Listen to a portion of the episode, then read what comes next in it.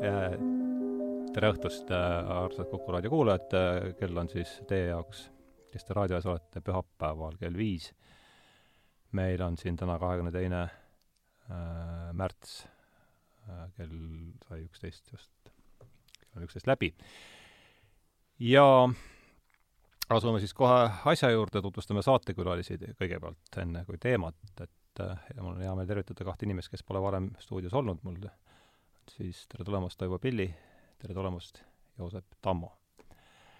ja olge head, tutvustage ennast alguses paari sõnaga ja siis läheme teemaga edasi.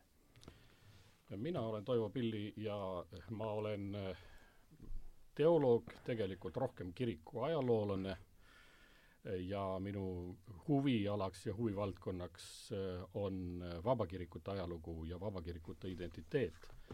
Aga paratamatult käib selle juurde ka teoloogia, et mida siis vabakirikud äh, on uskunud, kuidas nad seda usku on välja elanud ja kuidas nad on suhtestunud ka ühiskonnaga. õpetan ka kõrgemas usuteaduslikus seminaris ja ühes rahvusvahelises teoloogilises koolis ja mul on ka pastoraalne töö Tartus Saalemi Äh, kirikus mm. -hmm. kõik.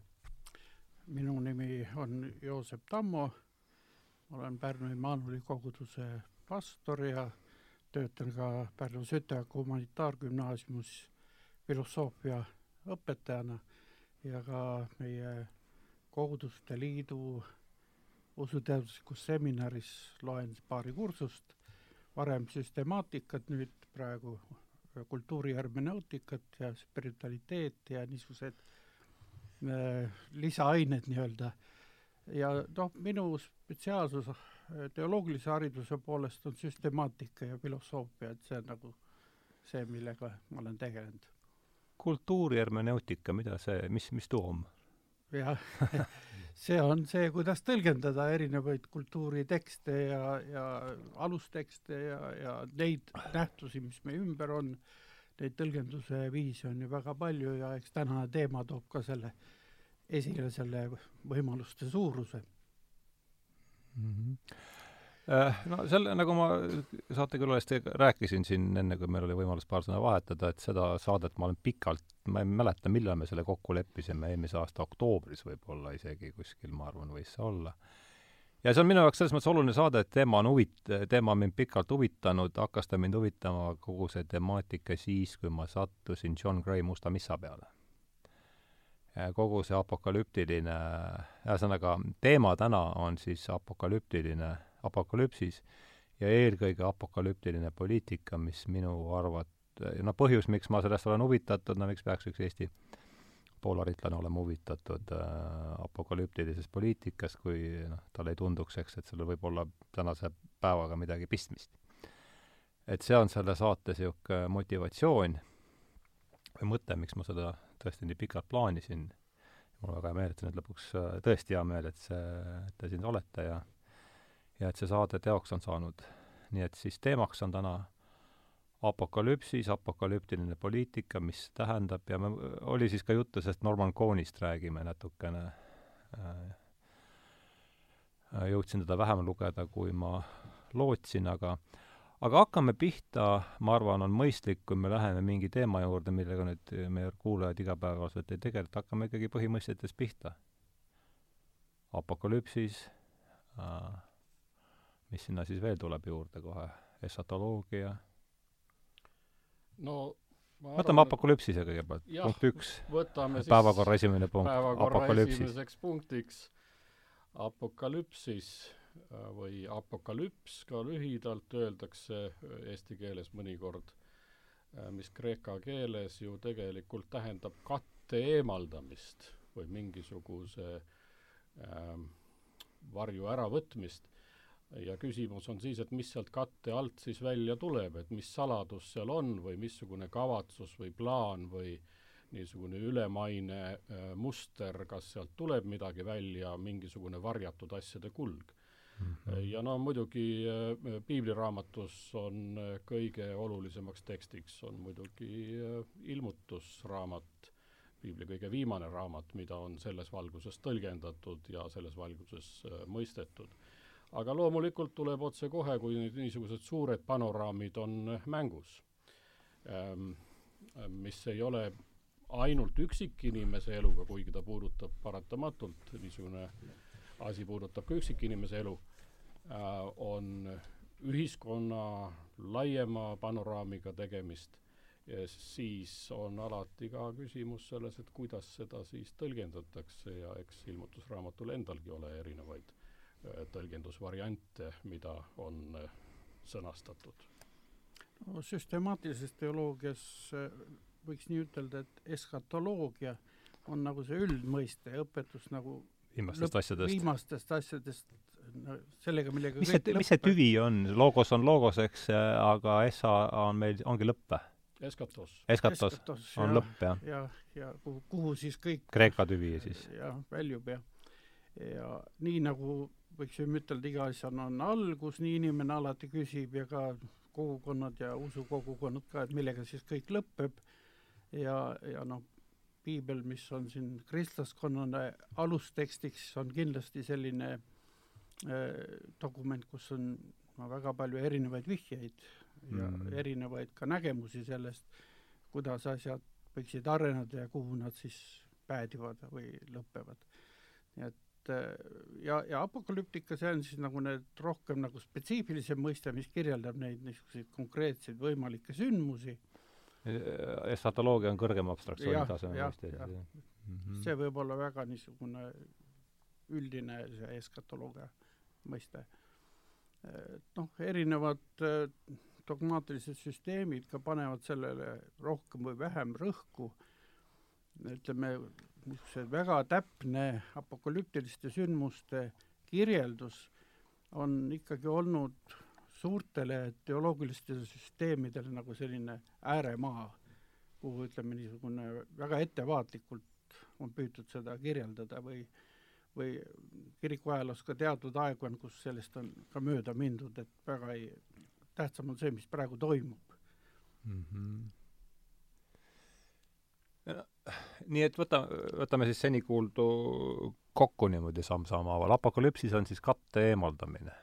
Mulle meeldis see, et kui me katte eest ära võtame, et mis see siis on, mis, mida me siis näeme ja no. esatoloogia on siis äh, veel abstraktsiooniaste kõrgemal, mis siis räägib nendest erinevatest äh, apokalüpsised on erinevaid äh, variante, esatoloogia uurib neid siis kõik, saan ma õigesti, oleme enam-vähem, oleme ühel lehel praegu? nii on, jah. jah, oleme ühel lehel ja võib-olla võiks lihtsalt mainida seda, et eks see, mis sealt katte tagant siis välja tuleb, see nõuab ka oma ähm, nii-öelda hermeneutilist lähenemist hermeneutika on nüüd tõlgendus siis? just. Ja... mis seal tüvi on? ei, ma ei, praegu ei oska ütelda seda. seda saan, praegu saab järele vaadata kõike, ma, ma vaat-, ma vaatan nii kaua. jah. ja ähm, tegelikult äh, on ju ka ilmutusraamatut käsitletud noh, vähemasti kahte moodi, üks on see, et ilmutusraamatus avaneb selline inimkonna ajaloo suurpanoraam ja teine on see, et see viitab seitsmekümnenda aasta sündmustele, mis toimusid Jeruusalemmas, kui kui roomlased hävitasid äh, Jeruusalemma äh,. aga äh, noh, võib-olla on seal nagu need mõlemad põimitud omavahel, sellepärast et see küsimus viimsetest asjadest on võib-olla palju universaalsem, kui me, kui me nagu esmapilgul märkame või, või tunnistame.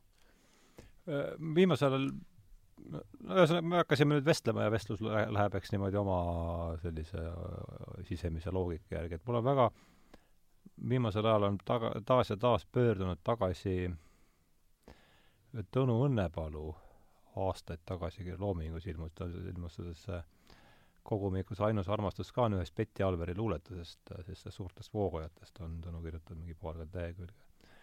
Ja seal ta ütleb sellise lause, et noh, Äh, et minu arvates ühesõnaga, et kosmoloog-, eetika ja kosmoloogia ei ole midagi, mis saavad olla lahus teineteisest. et igale eetikale ei saa vastata iga kosmoloogia ja et, et kui meil nüüd on see, kui me eeldame, et see maailm nüüd kuhugi suundub mingisse punkti, sellesse kattetagusesse punkti, siis meie elu ja see eetika ja see kogu see sagimise tähendus, enam, ma nüüd, ta väljendas seda palju nõtkemalt, aga ma üritan seda mälu, seda mõtet taastada, et siis see tähendus vaatab meile selle viimase päeva palge pealt nagu äh, vastu, eks, et see praegused, meie praegused tegemised omandavad tähtsuse selle viimase lõpp-punkti taustal, kas see, sain, olin ma üldse jälgitav praegu? Äh, kindlasti, et no võtame lihtsalt, et äh, kui kui maailm on lihtsalt üks suur, kogu see kosmos, kõik, mis meid ümbritseb, universum on lihtsalt üks suur juhuslike sündmuste jada. aatomikeeris. jah, mingi puder ja sellel ei ole mingisugust mõtet ega tähendust, siis sealt üsna kiiresti mõtlevale inimesele tuleb ka see moraalne mõtteviis, et aga noh, käige, käige ka kõik kuradile. jah, jah, et milleks siis, no me läheme nagu kiiresti niisuguse nihilistlikule hoiakule. aga kui noh, eskatoloogia ja, ja apokalüptika ikkagi eeldavad seda, et maailmal on mingi mõte ja eesmärk, kuhu, no ta on ikka teleoloogilise mõtlemisega seotud. põhjus on ajas eespool siis? jah, ja, ja, vot sealt tulenevalt on ka need käitumisviisid ja eeldused, et, et kui me tahame eesmärgini jõuda, kuidas me peaksime toimima? Ja mis on siis õige või moraalne või mis on siis seda eesmärgile jõudmist kahjustav tegevus või mõtteviis? Ja, ja kõik nagu vot kuskil sellel skaalal liigub. Tavaliselt, kui me räägime niisugusest eesmärgistatusest, siis tavaliselt see esimene mõte jookseb minevikku. miks? mis oli minevikus see, mis põhjustab seda, kus aa, see on, kuidas see põhjuslikkuse, põhjuslikkuse, jah, just, just. aga eestikeelne sõna miks võib tähendada kahte asja. see võib tähendada seda äh, minevikuvaadet, miks asjad on nii praegu, nagu nad, nad, nagu nad on. mis oleks siis niisugune mehhanitsistlik tõlgendus, eks ole? jah, nii, nii palju kui mina aru saan. võimalus esitada küsimust, miks, on teleoloogiliselt. mille jaoks, mis eesmärgil, kuhu me liigume ja ma arvan, et äh, see, kui me nagu puudutame seda teemat, ilmselt äh, toob nii-öelda siia stuudio lauale äh, just nimelt selle tulevikku vaatava suuna, mis on ja nüüd väga oluline. hakkasime apokalüpsisest pihta, see on tele-, teleoloogia on kohe järgmine asi, eks.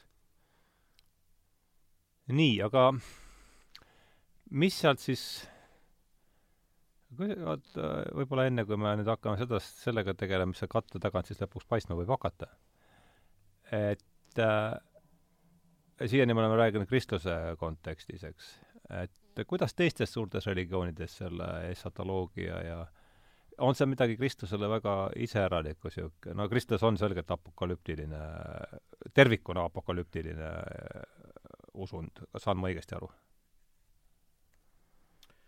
no ma arvan, et et äh, siin tuleb ikka meelde tuletada seda, mida Joosep Tammo just äsja ütles, et tegelikult niisugused suured kristliku teoloogia süsteemid ei ole seda üle rõhutanud mm. -hmm. ja kui ma räägin Õige, siin vabakirikute arengust, evangeelsete kirikute arengust, mille koguduslik struktuur on rohkem demokraatlikum ja vähem hierarhilisem, siis nemad on väga rõhutanud just nimelt seda, kuidas me praegu elame.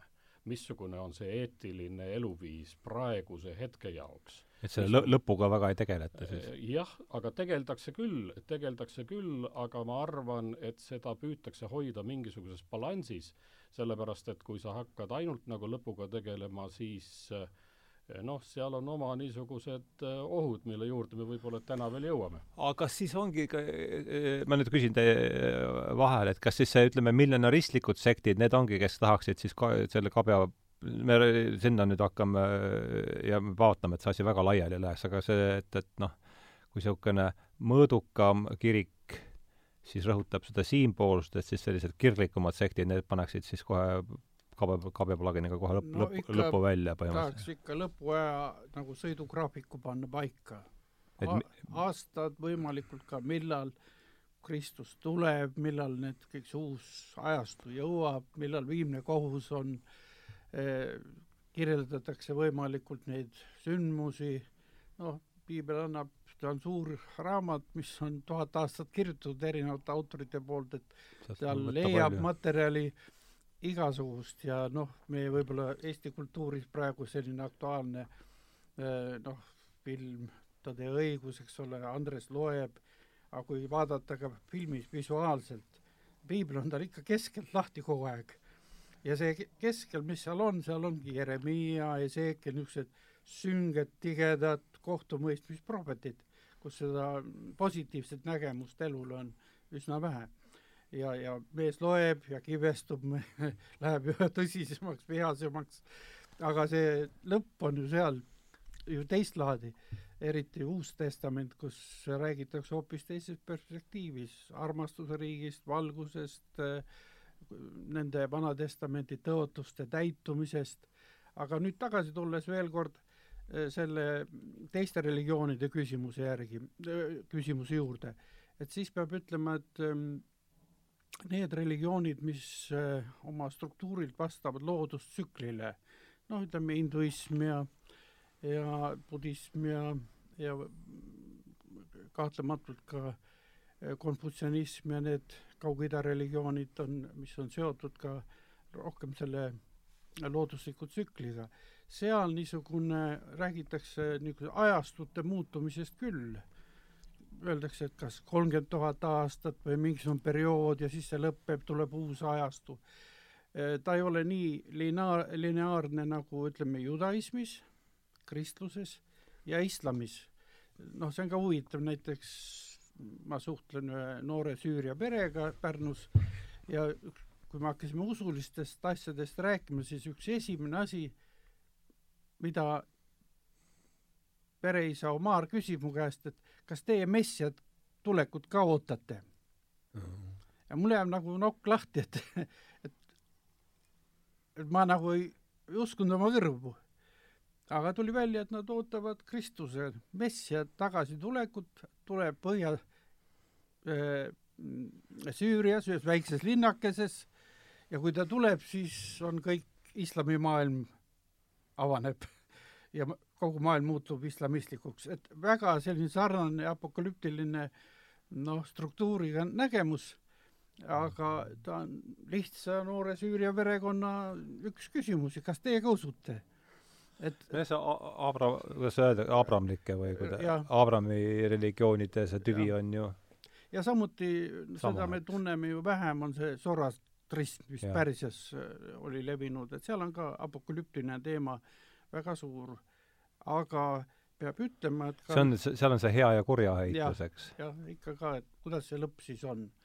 ja sellel kindlasti on olnud ka üsna suur mõju ka kristlikule mõtteviisile ja, ja piibli autoritele kohati ma arvan, et üks äh, neid autoreid, kes nagu hästi selgelt seda Zoroastrismi ähm, sellist apokalüptilist äh, iseloomu on sõnastanud, on just nimelt Norman Cohn mm, -hmm. ke-, kellele sa viitasid siin ähm,.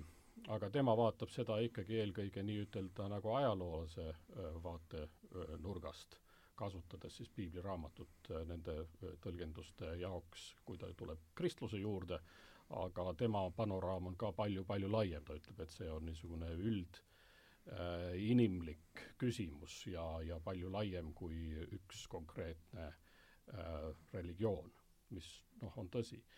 aga ma arvan, et siin on üks niisugune aspekt veel, eriti kui me räägime äh, millenarismist mis noh, eesti keeles oleks siis, võiks öelda, et see on niisugune veendumus, et äh, mingi ajaperioodi järel asjad muutuvad paremaks, see maailm muutub paremaks ja sageli mm -hmm. äh, see ajaperiood oma lõpul läheb läbi mingisuguste katastroofide, kataklüsmide, aga see, mis nüüd nagu õhu puhtaks lööb, võiks nii ütelda, pärast seda on asi selgem ja pärast seda on asi äh, on, on parem. see on iseendast ju, seal on nagu selline positiivne pool ka. välja valit-, välja valitutele? välja valitutele vähemasti äh, noh, kuidas ta teostub, aga igatsus on vähemasti positiivne ja ikkagi optimistlik, et asjad ikka lähevad paremaks. ma ei tea, kuidas see mm, situatsioon, kus me nagu tänapäeval elame, kui me mõtleme äh, kas või looduskatastroofidele või nendele kataklüsmidele, mida inimene ise on põhjustanud, mis ei ole kuidagi äh, nagu kuskilt mujalt väljapoolt tulnud, et kui, kui lootusrikkad me selles asjas oleme, aga aga see on omaette küsimus juba. Ehm, no siin eh, jooksis läbi see noh, tuhande, tuhandeaastase rahuriigi teema, mille nagu alged me jõuluevangeeliumit, kui loetakse jõuluteenistustel, siis on ju üks tuntud niisugune Jesaja tek-, prohvet Jesaja tekst, see on seitsesada aastat ennem, ütleme jõulusündmusi, ja, ja seal on niisugused väga muinasjutulised pildid, kuidas äh, lõvi ja talleke koos on ja kõik metsloomad, need kiskjad söövad rohtu ja ja mürkmadu ja, ja väike lapsukene on koos ja et äh, niisugused väga tugevad nägemused niisugusest täiesti muutunud maailmast äh, on, on vara, suhteliselt varakult käigus ja need on tegelikult olemas kõigis religioonides, et midagi on dissonantsis ja, ja mingi ära, äralangemine on toimunud, eks? et kuidas seda iial kirjeldatakse, aga nüüd usk sellesse, et lõpuks ikkagi jõutakse mingisuguse sellisele kooskõlale, harmooniani, eh, mis on püsiva iseloomuga. aga nüüd see tuhat aastat ise, see on huvitav, et eh, piiblis on see ainult ühes tekstis. see on ilmutusraamat kakskümmend, eh, esimesed kümme salmi ma lasin selle ka välja ja seal on, tõsi, seal on kuuel korral räägitud äh, äh, sellest tuhandeaastasest riigist, ma loen ainult ühe teksti. ilmutusraamat kakskümmend? Äh, jah, kahekümnes peatükk. Ma loen ainult ühe osa, sellepärast et see muidu oleks liiga pikk, aga et noh, anda niisugune maitse probleem, proov. et siin äh, siis ilmutusraamatu nägija või kirjutaja, see, kes näeb, Johannes Patmuse saarel seal, ta ütleb, ma nägin taevast alla tulevat ingli, kellel oli sügavikuvõti ja suured ahelad käes ja ta võttis kinni lohe, selle muistse mao, kes on kurat ja saatan ning aheldas ta tuhandeks aastaks ning viskas ta sügavikku ja sulges ta luku taha ning pani pealt pitseriga kinni, et ta enam ei eksitaks rahvaid, kuni need tuhat aastat saavad täis pärast seda peab teda natukeseks ajaks lahti lastma. ja, ja, ja niisugune ja, ja siis, siis jumal klausel on pandud. ja, ja, ja siis jumal sekkub, on viimne kohus ja siis hakkab nagu täiesti uus maailm. et see, nii, nüüd selle ümber, et millal, mis on ennem või kas on ennem veel mingisugune nende äravalitute või pühade äravõtmine maa pealt ja nüüd need kõik need miljaristlikud sektid tegelikult või, või usuliikumised, noh, võib-olla sekt on halb sõna, sest see on, seal on mingi negatiivne värving, aga kõik nad kirjeldavad võime selle sõna võtta, anda talle sellest puhtaks pesta selle. jah, et noh, ütleme, et ta on üks sektor. siis, siis, siis ta ei ole negatiivne. et lihtsalt üks võib-olla ka väga tähelepanuväärne nägemus eh, sellest suurest pirukast. aga eh, nüüd seesama tuhat aastat on pannud nagu läbi aastasadade ja juba läbi paari tuhande aasta inimeste fantaasia väga liikuma, et millal see on, millal see tuleb, mis enne sünnib, mis pärast sünnib ja neid äh, erinevaid lõpuaja sõiduplaane ja, ja neid on ikka päris suur hulk. ja iga niisugune kriisiajastu on toonud äh, selle nagu uue laine Eh, sellises religioosses ususes teadvuses teatud gruppide juures. et ehm, no esimene, mida, mida me Uues Testamendis saame juba jälgida, on see, et niisugune vahetu Kristuse taastulek, et meie eluea jooksul, selle sugupõlve jooksul juba kõik sünnib. just. aga siis ilmneb, et ei sünni, küll on väga suur katastroof, see Vana-testamendi maailm ju variseb omal viisil kokku, tempel hävitatakse, Jeruusalemm hävib. See on siis, kui sealt läheb kol-, Kristusest läheb kolmkümmend aastat? jah. jah, kolmkümmend. ja, et, et niisugune tõesti, võiksime ütelda, ühe maailma lõpp toimub mm., aga teise jaa, et, et templi hävitamine sisuliselt ongi mingis mõttes apokalüptiline sündmus, sündmus nende jaoks, eks. juutide jaoks vähemalt kindlasti ja, ja, ja, ja ka need varakristlikud äh, kogudused kindlasti kogesid seda, elasid seda samamoodi üle aga siis, kui Johannes kirjutab juba seda siin, see on juba aastaid hiljem, kuskil mis ajast see raamat on? üheksakümmend, Ah, kuskil nii. nii dateeritakse, see on juba tunduvalt hiljem. ja, ja tema vastasseis on suure Rooma riigiga, kus algab eh, kristlaste tagakiusamine. et, et mis selles olukorras, mis üldse püsima jääb, kus ja ees seisab ju praktiliselt üle kahesaja aasta tagakiusamisi, kümme suurt tagakiusamist suures riigis, küll eri regioonides, eri tugevusega. Ja nüüd ta on sellest äh, tundelaadist kantud siis jah. ja et selles nägemuses on seal see teema kõik juba nagu pakitud ja ühtlasi need erinevad nägemused, need hästi värvikad, nad tegelikult ju inspireerivad, annavad lootust, et et kurjus ei võida, ta, ta aheldatakse, ikkagi nagu see aga klausli, selle klausliga, et aga, aga mis seal, ma, ma ei saanud päris täpselt aru, et äh, aheldatakse kinni ja siis lõpus peab korraks välja, Jah. kas see on nüüd enne seda päris viimast istungit siis või? päris ja viimast kohut seda nimetatakse ka suure valge trooni ees siis selleks kohtuks, kus ka paganad võetakse ette kõik rahvad, paganad nende tegude järgi ja see, mida nad oma südametunnistuse järgi on teinud, noh, ja need, kes on siis nagu ütelda, seda Jumala armuvalgust näinud Kristuses, nendel ehk läheb paremini. et nad on, kui nad on selle järgi elanud ja seda ikkagi nagu eh, omaks tunnistanud, aga eh, noh, see on niisugune, aga nüüd, mis selle tuhande aastaga teha? mina eile veel helistasin Uue Testamendi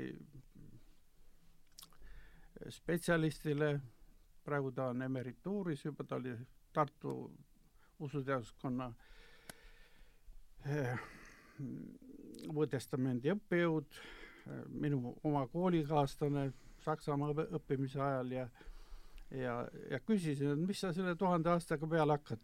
ja tema vastas niimoodi, et et tuhat aastat, vot kõik on ju ilmutusraamatus arvude sümboolikaga seotud. seitse ja kümme ja noh, piiblis on nelikümmend tuntud ja nii. Aga tuhat aastat on niisugune, tähistab äh, protsessi, mis lõpeb täiusega. on väga pikk aeg, see ei ole nimelt kindlalt, noh, ütleme, on ju ka nii, Peetrus ütleb teises kirjas, et äh, Jumala juures on üks päev nagu tuhat aastat ja tuhat aastat nagu mm. üks päev, et see on nagu relatiivne, ta ei ole nii täpselt nagu aastate arv, vaid ta tähistab mingit suurt pe perioodi, protsessi.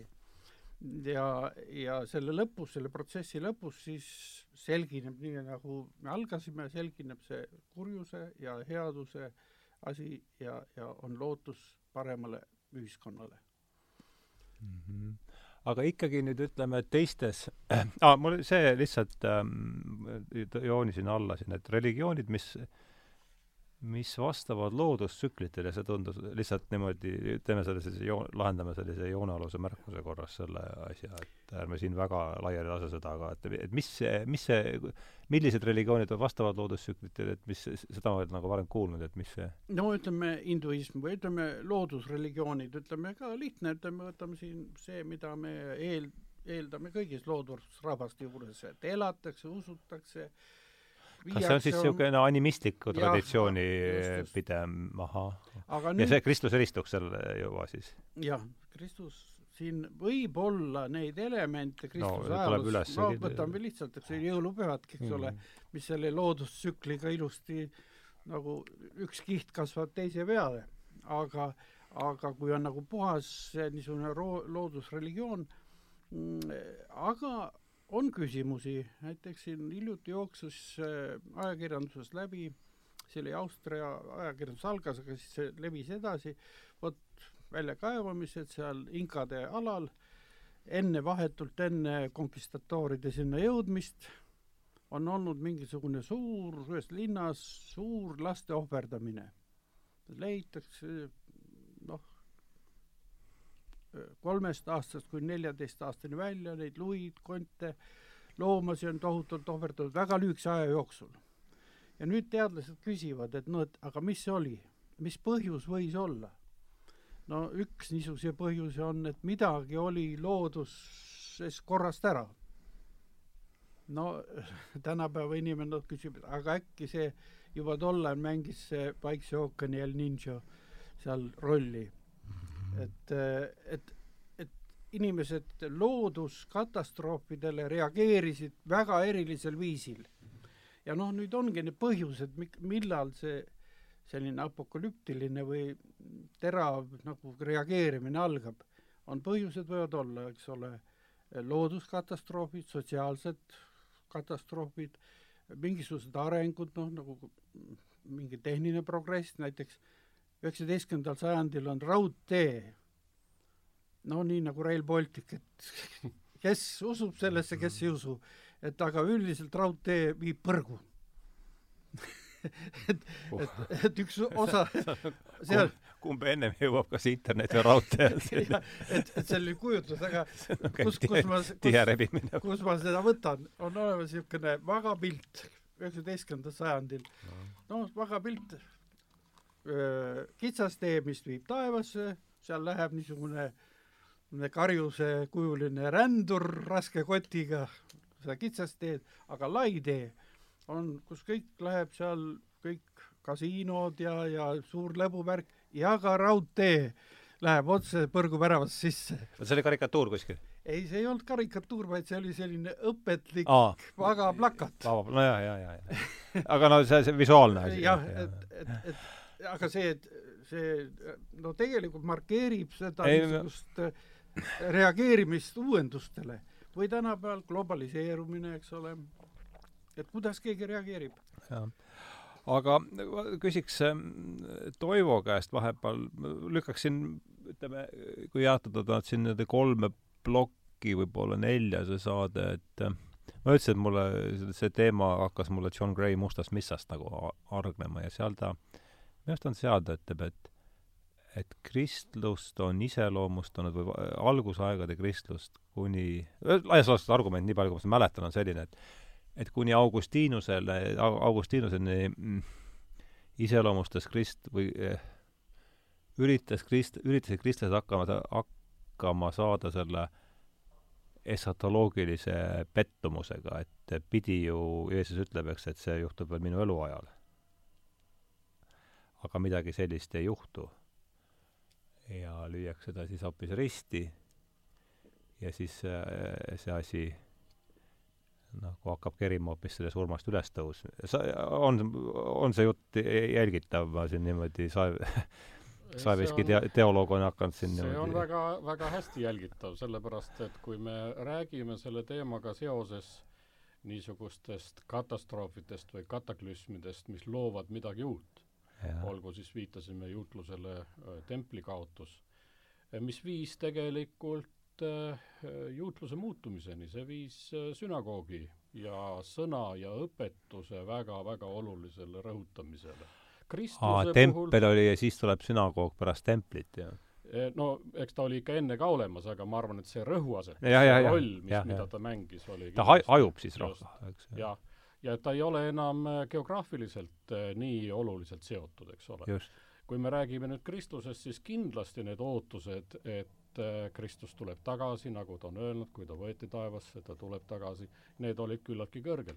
aga kui me loeme Uue Testamendi näiteks pastoraalkirjasid, siis äh, seal antakse niisugune äh, noh, selgeid juhiseid, kuidas ikkagi elada päevast päeva, kuidas elada eetiliselt, kui see, kui see teelos, see eesmärk on, on sõnastatud, kui see mõjutab kuidagi meie eetilist eluviisi praegu, siis korduvalt Äh, Uue Testamendi kirjade autorid noh, ilmselt ka reaktsioonina sellele, mida sina siin nimetasid, et, et mis siis nüüd üldse edasi saab, kuidas me üldse nagu edasi läheme. aga no muidugi, mis on huvitav selle asja juures äh, algkristluse äh, puhul, et äh, tegemist kindlasti ei ole niisuguse käed rüpes pettumisega, et noh, et näed, nüüd ei, ei tulnudki, et mis neil meist nüüd saab ja ja tagakiusud ka veel algavad, eks ole, seal üsna peatselt, Neero ajal ja hiljem Äh, siis tegelikult me näeme, et äh, see uus usuliikumine äh, Natsareti Jeesuse järgijate näol on väga missioonimeelne. Nad rändavad ringi, nad lähevad ühest kohast teise, nad suudavad oma veendumust ja oma usupraktikat laiendada juutlikust maailmast ka kreekakeelsesse maailma. Aga no andestage, loodan, et ei, ei ole liiga frivoolne see, et kui ma kasutan siin sõna, et mis on see no, et mulle inglise keeles on niisugune naljakas ja ma üldse ei poolda mingit ingliskeelsete akronüümide pildumist, aga see on vist unique, ma vaatan, ma saan unique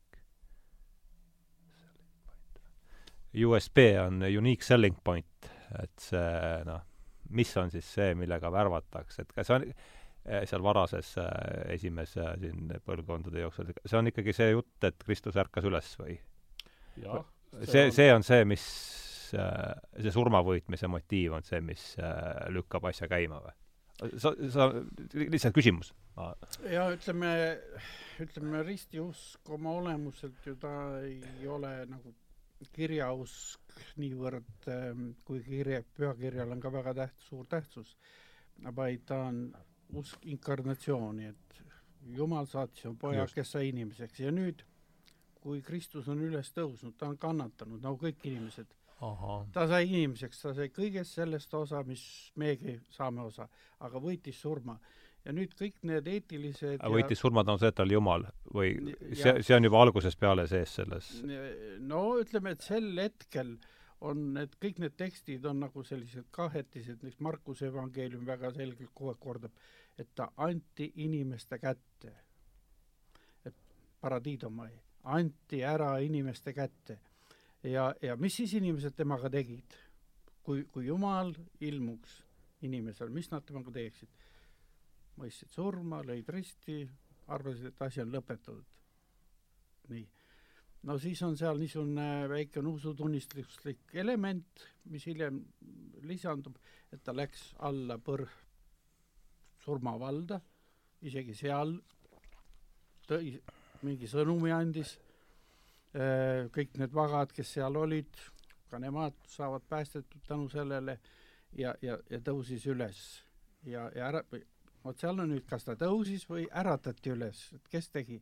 aga igal juhul see ülestõusmise sündmus ise, äh, ta mingis mõttes juba etteviitavalt on märk sellest apokalüptilisest võidust. et ükskõik, mis ei sünniks ka terve maailmaga, see lõpeb ülestõusmisega või siis juba teistpidi Kristuse taastulekuga. nii et need on niisugused noh, ta, see vahel on, kui neid tekste lugeda, siis nagu vaheldusvool, et üht, et kas see on inimese poolt, no nagu ta oli tõeline inimene, või on see Jumala poolt sekkumine, mõlemad korraga. ja see on niisugune kokkupuutepunkt selles loos, aga äh, jah. ma isegi lisaksin siia juurde, et et no tegelikult ju see uus algus ega kristlikus teoloogias ja eh, on see päris eh, ka levinud seisukoht, et et kiriku rajamisega või koguduse rajamisega siia maailma ongi ka üks uus ajastu, üks uus ajoon, üks uus periood, mis on väga oluline alanud mm. -hmm. ja on neid teolooge, kes, kes isegi kasutavad selle kohta just nimelt, et see ongi see üks tuhandeaastane rahuriik, milles me nagu praegu, eks ole, elame ja oleme et isegi sellist mõtteviisi on, et see on kiriku aeg, see on evangeeliumi kuulutuse aeg, see vaatab ah, siis see kõik, mis, see kõik, mis praegu on olnud rahu, on olnud rahuaeg. selline tõlgendus võib on nii ka. võib nii ka mõelda, sest midagi ikkagi toimub õues. Nii palju küsimärke, kui selle peal ka võiks olla, panna, aga see on mulle, mulle see endale hirmsasti meeldib, see, ma olen seda tsiteerinud paljudes kohtades, see Kolakovski selles kogumikus religioonist kui ta arutleb, et selle, see, see, kuidas see eh, Leibniz eh, Teodike probleemi lahendas, et, et noh, jumal, et noh, jumal sai sisuliselt valida ainult pre-, selliste Brežnevi pakikeste vahel, eks, eh, ja kuivõrd ta on noh, lõpmatult hea ja lõpmatult et siis ta pidi valima selle kõige parema nendest võimalikest, et siis seetõttu oleme parimas kõigis võimalikes maailmas ja võib-olla ongi see rahuriik siis praegu, kus me elame aga mis mulle see Kolakovski see sõna, et ise paistab ta arvavat, et tema teooria on võrdlemisi optimistlik ütleb siis Kolakovski Leibnizi kohta. ja, ja vot jah, see on no, siiamaani paneb muhelema. asi ka selles, et et võib-olla, et äh, sada aastat tagasi veel oleks seda võib-olla võinudki üsna optimistlikult vaadata, võib-olla sada viiskümmend aastat tagasi, aga see, mis on viimastel aastakümnetel toimunud, kui me vaatame kas või looduse ja, ja, ja ja nende ressursside lõppemine ja nii edasi, ma arvan, et me enam nii optimistlikel seisukohtadel ei ole, vaid võtab nagu näo nagu tõsiseks. ja, ja vot nüüd selle, nende kriisis olukordades et see on nüüd kahe selle, nendel nii-öelda apokalüptilisest vaimust kantud kogukondadel või usuliikumistel on nagu kahesugune arenguvõimalus, et kas nad kannavad endast lootust,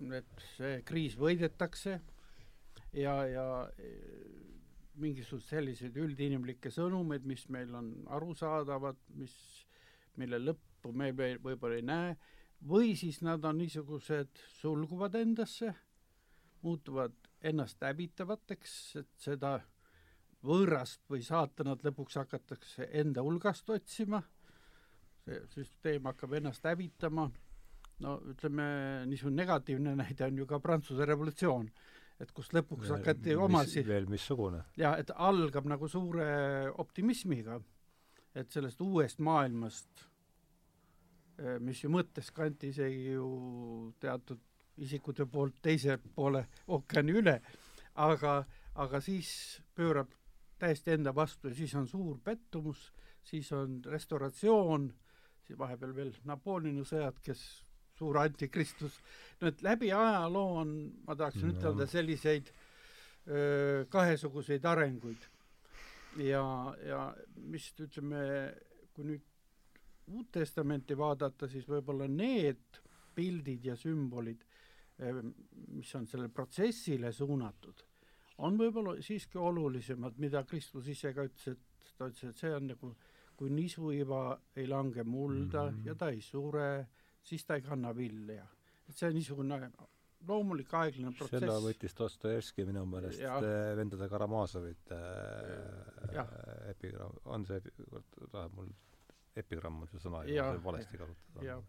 ja, siis ähm, no teine on see pilt sellest haputainast, mis perenaine võtab, ta sõtkub selle taigna sisse ja see paneb kerkima terve selle taigna, et saaks leiba küpsetada. Et siin see uue maailma element või need, kes seda endas kannavad, et nad toimivad mitte mingisuguse nagu rapsimisena selles ühiskonnas, vaid nad sisemiselt muudavad no siin natuke Tolstoid võib-olla või niisugust mõttelaadi, aga hiljem seda kannavad, seda mõtet, aga see on olnud nagu kirikus nagu suurem veendumus, aga millal, vot need kirjakohad, millega kirik tavaliselt nagu alati vastab sellise väga teravale noh, lõpuaja ootusele, ütleb, et no Jeesus ise ütleb, seda päeva või tundi ei tea ka mm. keegi, et ei inglitki taevas ega poeg, ainult isa üksi. isegi poeg ei tea, poeg ka, tema ise ka ei tea. ja mm, -hmm. ja mhm. ainult isa üksi ja vot see on alati niisugune nagu no, kiriku vastus sellisel väga teravale, noh et nüüd, nüüd no mhm. võib-olla, et äh, kuna me juba kiriku ajaloost natuke oleme hakanud rääkima ja ma arvan, et see ongi see valdkond, kus me võib-olla äh, noh, võime siin liikuda tänu sellele taustale, mis meil mõlemal ja, ja. on siin äh,, on minu meelest see, et see reaktsioon mingisugustele muutustele, kriisile, kitsaskohtadele, mingile korruptsioonile, mis iganes see vastus võib olla suletuses ja see vastus võib olla nagu selles protsessis, nagu Joosep, sa ütlesid. jätab Aga, mingi lootuse? just nimelt, jätab lootuse ja, ja, ja, ja vaatab nagu tulevikku niisuguses usus ja lootuses mm.. see probleem äh, on äh, nojah, see on oluline oskus. kiriku ajaloos, ma arvan, ikkagi niisuguste liikumistega, mis on sulgunud ja mis on seadnud väga selged piirid, olgu siis ajaliselt või ka käitumuslikult, missugune see uus ajastu, uus Jeruusalemm, rahuriik, mis iganes, kuidas seda nimetatakse, peaks olema. no üks näide on muidugi kuueteistkümnendast sajandist, neid näiteid on ju ajaloos rohkem, on Münsteri Just, anabaptistide, anabaptistide liikumine selle rätse, rätsepoisi kooperatiiv seal, seal. Just, mida nimetatakse ka ju kolmandaks reformatsiooni laineks. Äh, mis aastad need olid meil, tuhat tuhat viissada kahekümnendad aastad Šveitsis ei, ma mõtlen äh, Münster, Münster oli hiljem. Münster tuhat viissada kolmkümmend neli, tuhat viissada kolmkümmend viis. Mhm, informatsiooni osas ma ikka tean. ja, ja püüd püüd leida siis äh, ja kehtestada maa peal nüüd see uuendatud ühiskond. aga kui seda tehakse suletult, kui seda tehakse niiviisi, et äh, põhiliseks juhtnööriks on Vana Testament nad unustasid Uue Testamendi poole seal üldse nagu ära või ei pööranud sellele nii suurt tähelepanu, kui kerkivad üles väga tugevad autoritaarsed juhid, kes ütlevad, kuidas asjad peavad olema, kui mm -hmm. usutakse, et, et vägivald võib asjale kaasa aidata, e, eesmärk on meil ju hea, paneme siis kõik meetodid nii-öelda käima, siis tegelikult tulemuseks on üsna, üsna tõsine kokkukukkumine, selle, selle, selle projekti, selle utoopilise projekti kokkukukkumine, sellepärast et see on liiga täpselt ära defineeritud ja unustatud see salm, mida siin just tsiteerisime ähm,. nii et see äh, no vot, see on nii nagu äh, karuteene, eesti keeles on väga hea sõna, karuteene. karu püüdis head, aga tegelikult tulemus oli, oli halb mm. -hmm nojah, nagu vaadata äh, näiteks bolševikegi, ega noh, see ka ju minu, minu meelest kuulub ikka samasse, samasse potti see asi, et ega seal ju usu ja lootuse taha ei jäänud.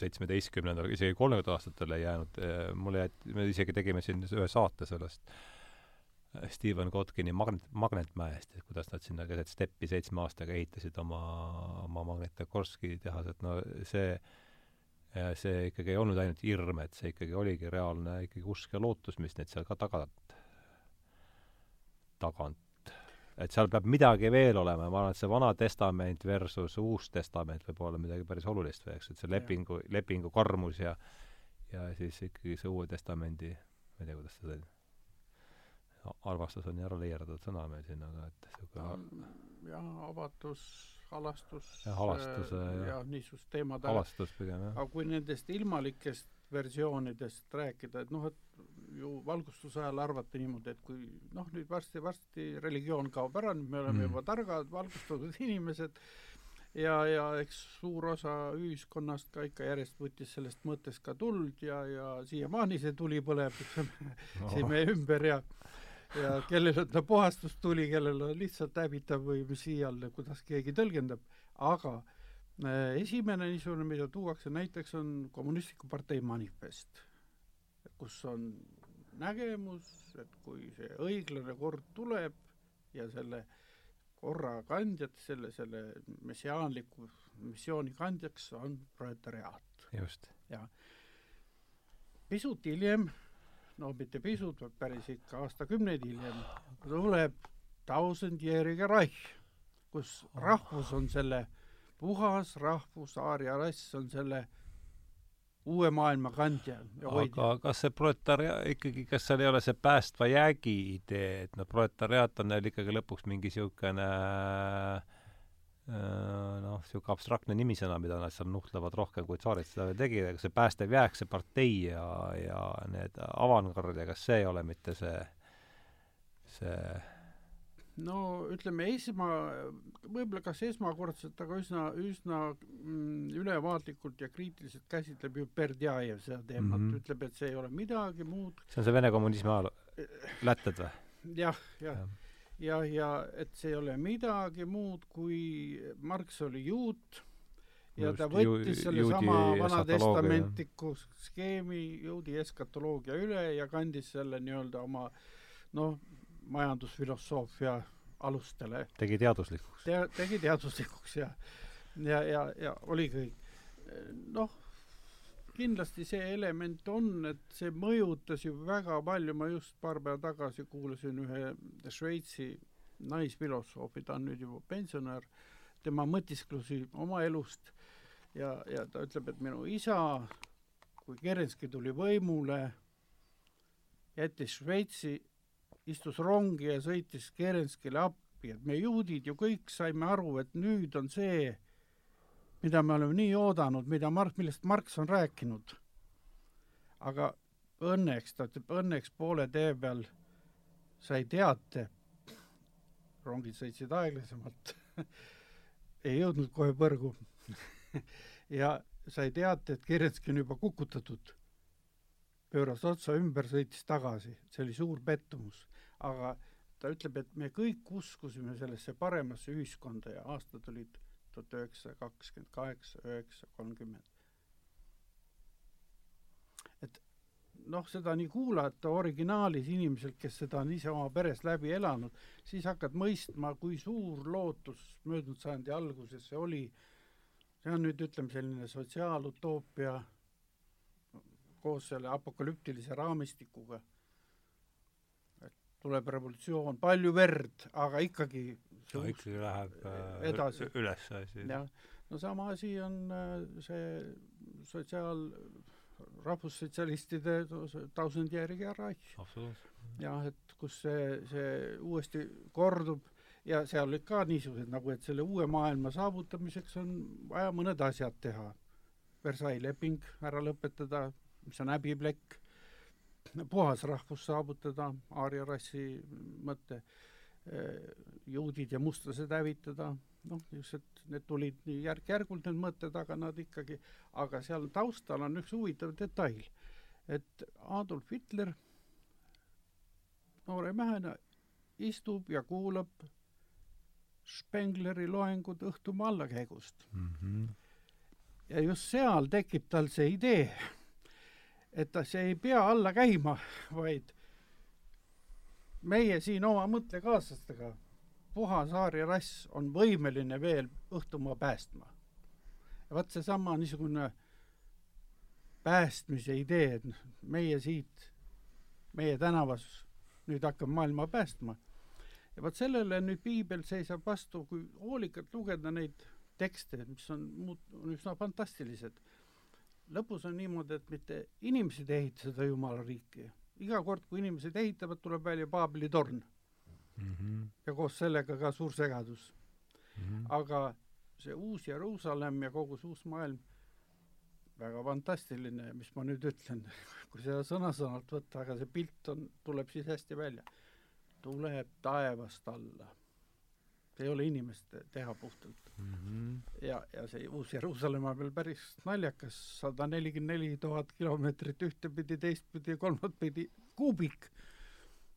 no see käib juba üle meie, meie fantaasiavõimete. ega seda mina, ma nüüd lugesin hilju- ja võib-olla, me oleme siin tund aega peaaegu rääkinud, et võib-olla võtaks nüüd uue teema või edasilt edasi, et et noh, tuletame, tuletame meelde siin, et vestlus oli, oli ka algus, et et see apokalüpsise juurde tagasi Ja. minna. et seesama, et kui nüüd see kate ära liigub, et mis sealt siis see on terve hulk inimesi on mõelnud selle üle, et mis sealt siis paistma hakkab, kui, kui kate ära võetakse. et see mind üldse, see jutt ei üllatanud, et see nii täpselt on välja rehkendanud, sest ma lugesin nüüd Politeiat ja seal ju Platon rehkendab ka selle, see, ma ei saanud aru küll, et kuidas see türann on seitsesada kakskümmend üheksa korda õnnetum kui äh, see filosoofis kuningas.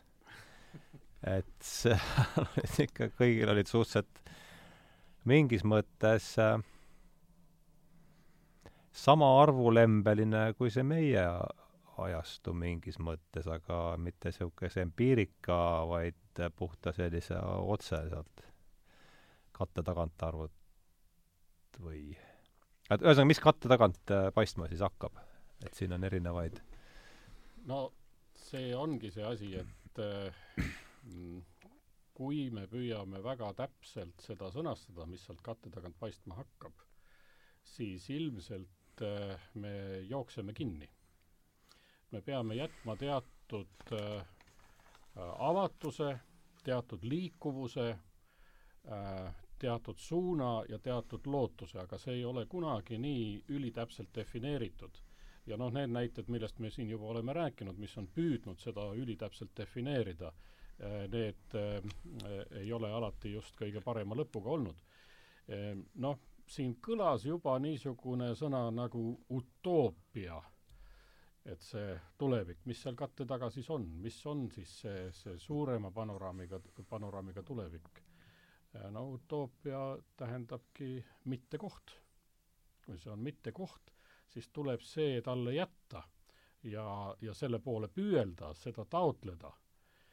aga eh, kui seda kohta tahetakse väga selgelt tuua siia, kus me juba praegu oleme, siis tegelikult kaotab ta oma tähenduse ja olemuse ära Äh, nii et äh, ja, see siis... hoiatus, see hoiatus minu meelest ka, mida nüüd ütleme ka ilmutusraamat äh, annab äh,, see keel ja tekst ilmutusraamatus on, noh, kui me räägime ilmutusraamatust, apokalüpsisest mm, -hmm. ähm, on selline, mis äh, ei ole selline matemaatiline keel, mis ei ole niisugune nagu loogiliste väidete keel, nii ja nii ja nii, vaid on pigem kujundite äh, on teatud sümboolika-keel, on pigem, pigem niisugune üleskutse mingis suunas vaatama hakata ja ma arvan, et see on tähenduslik, et ta niiviisi on kirjutatud. et ta ei ole sellises loogiliste noh, propositsioonide, väidete keeles kirjutatud.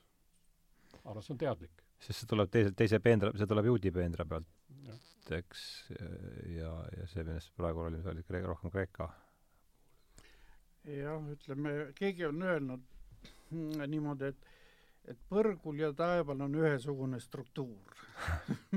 Ain-, ainuke vahe on see, et ühes valitseb vihkamine, teises armastus. Hmm.. et eh, noh, see on niisugune hea ütlus, mille üle on. tasub mõelda selles kontekstis ka. et need võivad olla oma ülesehituselt need maailmad, mida me ootame isegi kohati sarnased oma struktuurilt. aga, aga see asja sisu või see kandev jõud on, see on hoopis midagi muud.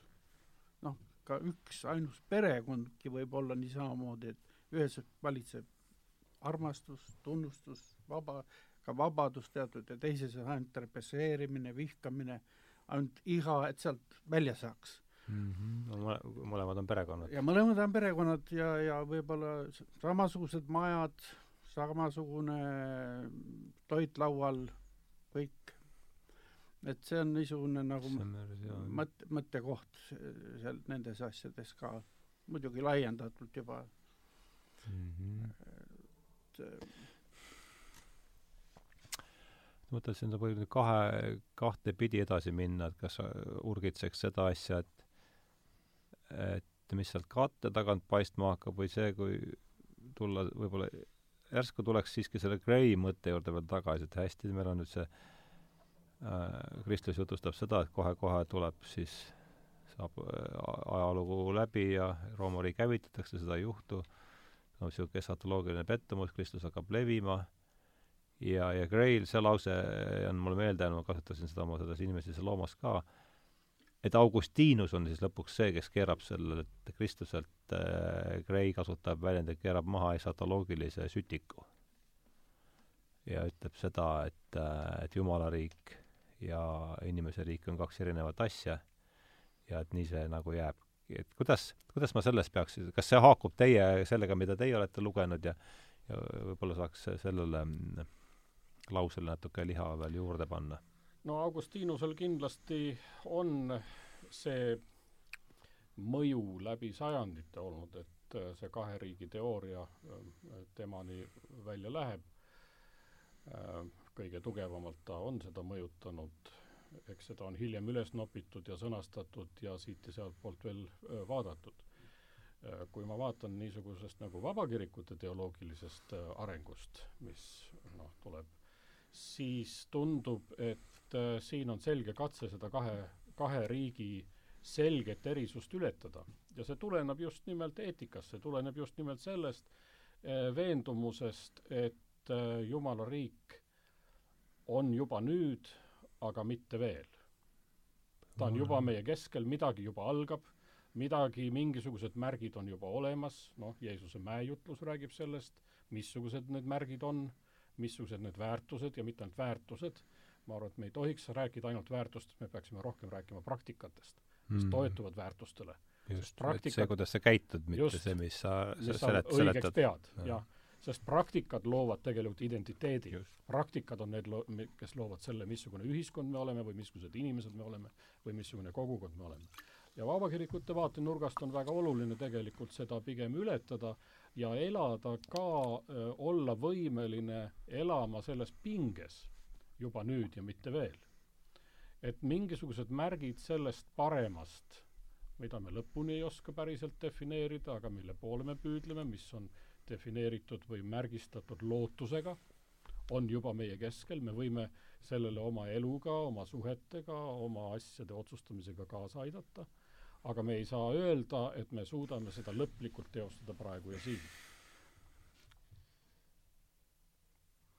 no ma veel tuletaksin meelde just selles kontekstiski, et et siis, kui Augustinus sureb, siis vandaalid piiravad apokalüpsi, järjekordne apokalüpsi siis. seda Hippolinna, kus see, kus ta suri.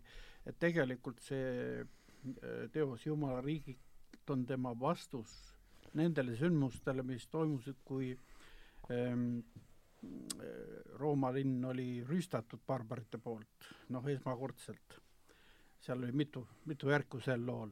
ja, ja siis olid samuti küsimused üles, üleval seal Roomas, et ühed ütlesid, et see on ilmselt karistus, et me oleme oma esivanemate usu jätnud, politismi, politismi ja kristlusega kaasa läinud mm. -hmm.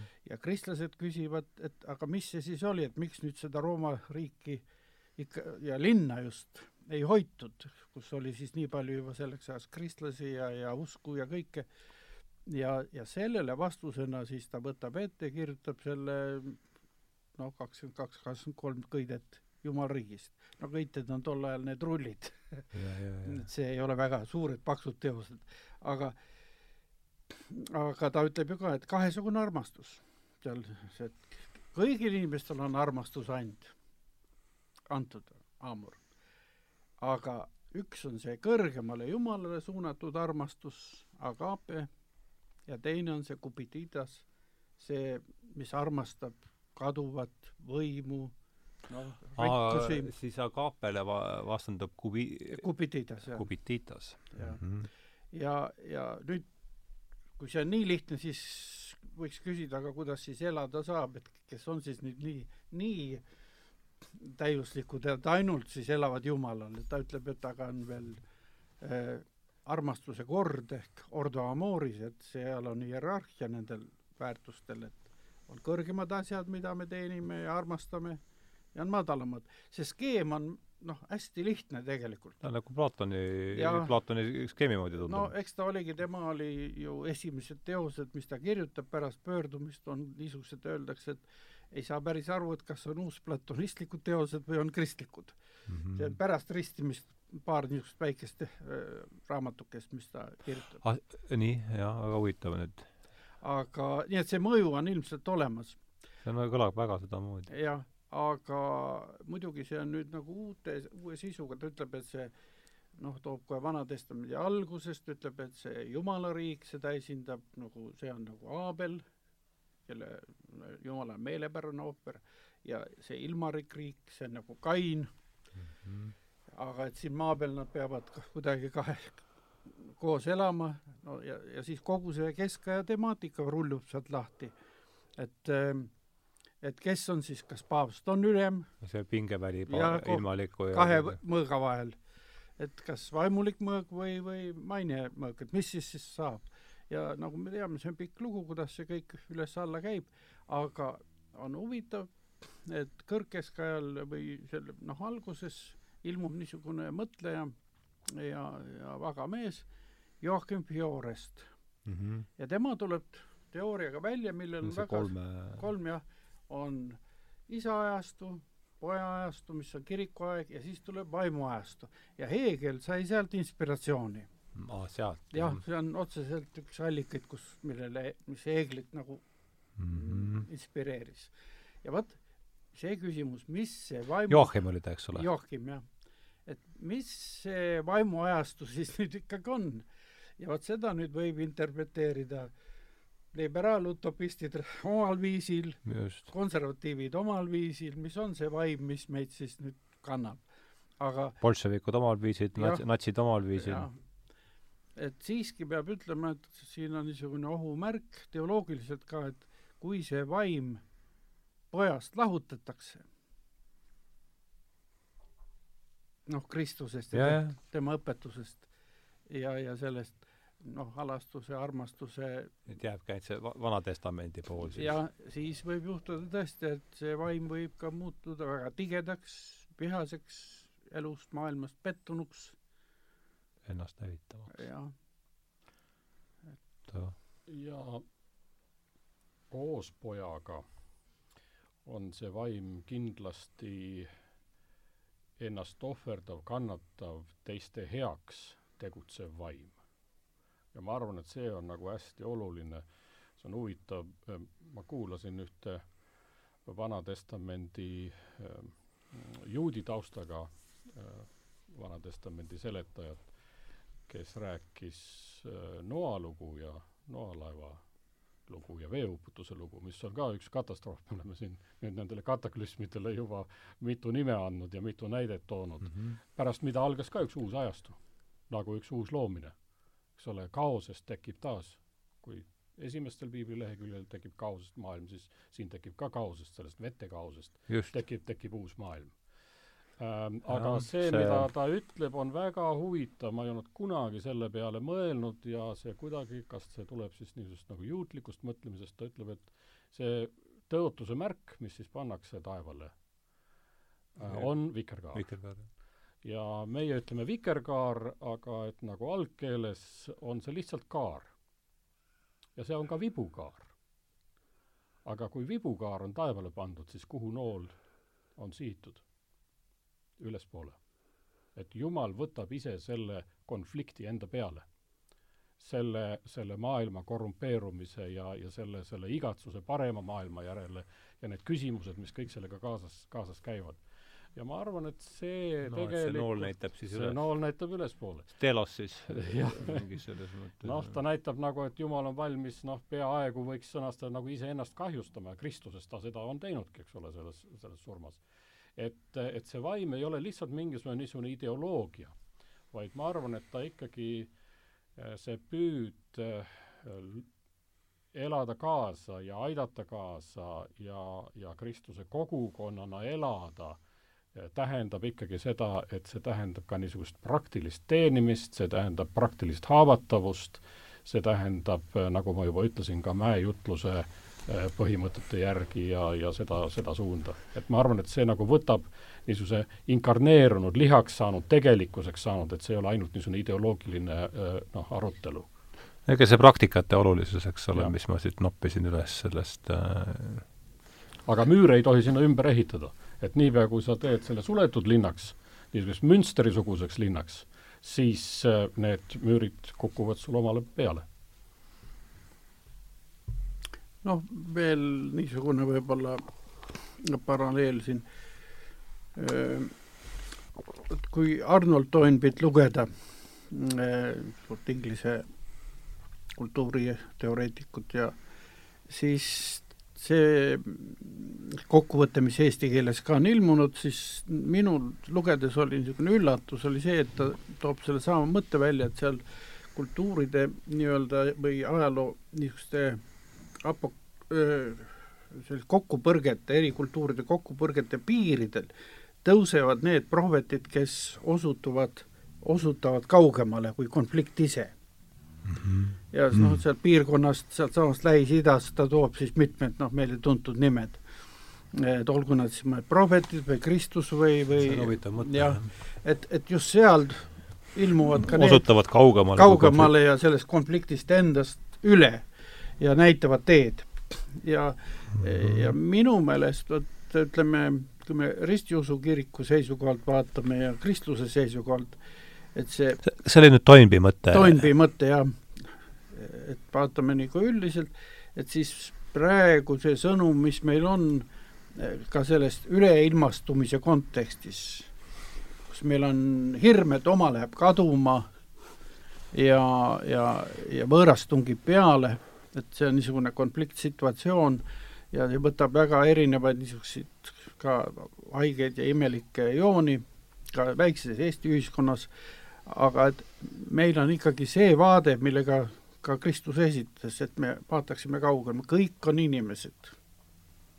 et Kristusest, nagu Paulus ütleb, ei ole meest, ei ole naist, ei ole juuti, ei ole pa- äh,, seda paganat äh,. mis kirja äh, ka-, Galatas, Galaatia, Galaatia, jah. jah, ma arvan, see on Galaatia. Galati- just, see on Galaatia vist. jah, ja, ja niisugune uus vaade, mis annab teed nagu naiste õigustele ja kõigi inimeste õigustele. Ja, ja see on huvitav, et vot selles uues vaates noh, on, kui me räägime utoopiatest ja nendes, et niisugused evangelikaalsed grupid või, või usulised väikegrupid kannavad mingeid niisuguseid, võib-olla nad on kohati imelikud üld, suurele ühiskonnale, aga mingeid ideid, siis me just Toivoga siin rääkisime, et see on huvitav, et üheksateistkümnes sajand või isegi valgustusaeg, kellelgi ei tule valgustusajal me-, ette, et orjapidamist hukka mõista. ka Prantsuse revolutsiooni suured tegelased ei mõista orjapidamist hukka. see on naftaeelne ajastu ka selles Ja. mõttes, et äh, kus energia tuli ju lihastest valdavalt, eks. aga siis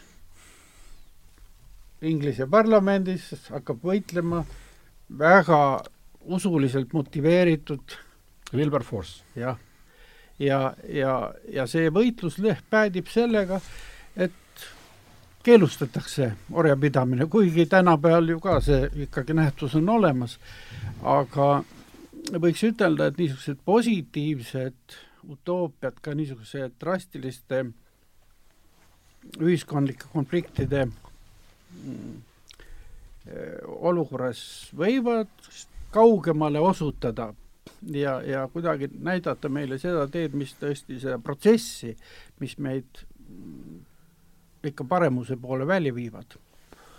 jah, protsessi mõiste on siit mitu korda käinud läbi. mis me selle kohta, on ju olemas niisugune mõiste nagu protsessi ideoloogia. on küll. On Vaiteid sellega seotud vist ka on otsapidi, räägiks selle, polnud üldse plaanis, aga noh, vestlus on vestluseks, et miks me võime ju siit niimoodi, kui ei lähe see kui ei lähe see, siit saadame tupiku, siis tuleme jälle tagurpidi tagasi, aga, aga mis tähendab protsessi dialoog, lihtsalt see protsessi mõiste on käinud mõned Läb- korrad läbi. mit-, mõned korrad läbi, et see jäi kõrva, et no no, see on, rohkem Joosepi teema. et mina, mina lootsin, lootsin, et sina oskad seda. ütleme, ärme sellesse takka, kui ei tule siit juttu, siis Aga- aga, tuleme aga- tagasi, aga ma- ma- huvi pärast lihtsalt, ma tean, et Vaiteid on sellega seotud ja Jah. mind huvitab. et see küsimus on ju selles, et et no ma tooksin teise võib-olla näite siin, väga võimsalt on möödunud sajandil mõjutanud just katoliiklikku teoloogiat äh, Teilhard de Chardin. jah. Tema evolutsiooniline nägemus inimkonnast, siis tema läheb sellesse siis, sellesse suunda, jah, ta on lähedane sellele, et, et kõik saab alguse sealt kivimitest ja, ja ta läheb kuni universumi algusesse punkti alfa välja ja ütleb, et kogu selle universumi telg ei olegi midagi muud kui inimene ja kogu see areng lõpeb Jumalas. väga punkt- selge teoloogiline, või see teleoloogiline teleoloogiline nägemus. Ja selle raamides ta muidugi siis ütleb, et kogu evolutsiooniline protsess, ka konfliktid, kuuluvad selle, selle arengu, selle telje liikumise juurde. no tema, ta läheb äärmustesse, et kui ta esimest korda külastab seda äh, suurt tuumauurimise keskust ja näeb seda tsüklotroni ja seal kõik, ta ütleb, et see ongi see uus maailm. et ta oli nagu täiesti vaimustatud, ta oleks ka aatompommile ka jaa ütelnud. ta oli, see on huvitav, ta oli lahinguohvitser Esimeses maailmasõjas, aga, aga meditsiinis. ta läks vabatahtlikuna Prantsuse poolel meditsiini ja sai ainsana meditsiiniohvitseridest sai kõrg, kõrgema Prantsuse autasu. kui kõik muu kirjandus ütleb, et Esimene maailmasõda, see on hirmus katastroof, siis tema oma kirjades, oma, ta ütleb, et, et ei, et see on üks osa sellest arengust. no sinna Omega poole siis. ja no see oli niisugune vapustav mm. asi, et selle peale katoliku kirik kõigepealt keelustas tal teoloog-, ta võib, võis kirjutada antropoloogiast, aga teoloogiliselt keelustas ära. ta, ta, ta ei tohi, jesuidid, kuhu ta kuulus, saatsid ta äh, Ameerikasse ära, et eest ära sealt Euroopast, et ei ole liiga nähtav. aga äh, see on huvitav, et tal oli niisuguseid platoonilisi armastussuhteid. ja nendes armastuskirjades ta ikkagi kirjutab neid asju. et sõda oli see siis see... jah, et tema on näinud kõiges seda suurt arengut, seda suurt protsessi, võiksime ütelda. ma läksin nüüd natuke teise teema pealt. no aga kas ei käi sama asi ka mitte läbi stalinlikest nendest puhastustest, et praegu oleme need kakskümmend miljonit inimest äh, küll äh, noh, laseme hakklihamasinast läbi, aga me liigume ju ikkagi õige ja, jah. et no, see on põhi, kas ei ole sama, kas ei ole sama niisugune mõttelaad seal taga või, või? no seda katoliku kirik ka kõige rohkem kritiseeris, aga tänaseks nad on selle kriitikaga muutunud mõõdukamaks. Nad ütlevad ikkagi nii, et, et mingi iva seal loos on, et vähemalt selle evolutsiooniteooria kui sellisega ei ole mõtet noh, öelda sõdida, sõdida.. aga evolutsiooniteooria seisukohalt on ju niisugune asi, et on kolm aspekti, võitlus, kohandumine ja koostöö. ja vot see koostöö mm -hmm. on ju otsustava tähtsusega, kas üks liik on võimeline koostööd tegemas no nüüd me läksime apokalüptikast kaugele. ja, ja ega no ega selleks ongi selles mõttes, et vestlus on oma ja, ja juhib meid tavaliselt. et, et ilmselt need erinevad aspektid ka siin, ka tulevikku liikudes, olgu ta siis konflikt, olgu see siis, et me kohandume selle uute nähtustega, konflikti põhjustavate näht-, nähtustega, see võimekus, aga ka koostöövõime, jõuame sinna armastuse teema juurde noh, Eesti ühiskond, mis kõige rohkem puudu jääb, tundub hetkel koostöövõimest. Nojah, see vist ei pra-, tundu praegusel hetkel vähemasti läänes, võib-olla kogu, kogu maailmas see oleb ainult mitte meie privileeg, et see koostöövalmidus, see, mulle tuletab see pigem seda Empedoklase mudelit meelde, kus on see poole, see Fili ja Neikos käivad, et ja, tundub, et Neikos on haaranud nagu ohjad endaga ette praeguses. et eks meie peegeldame ju järele seda kõik, mis aga no kui lugeda suure, suured poisid õues teevad. lugeda nüüd, ütleme, meil on ju võimalus nähtust vaadata, selliseid sotsiaalseid, religioosseid nähtusi veel noh, süsteemilise teooria seisukohalt. et süsteem, eks ole, kui ta satub oma keskkonnaga konflikti, mis juhtub? kui ta sulgub, mis siis juhtub? siis tekib, kui täiesti sulgub, tekib nii-öelda sõda sissepoole. et see on nagu selle süsteemi kui organismi niisugune ellujäämise küsimus, et tal oleks kogu aeg millegagi noh, võidelda ja kui see ära kaob, siis ta sureb välja.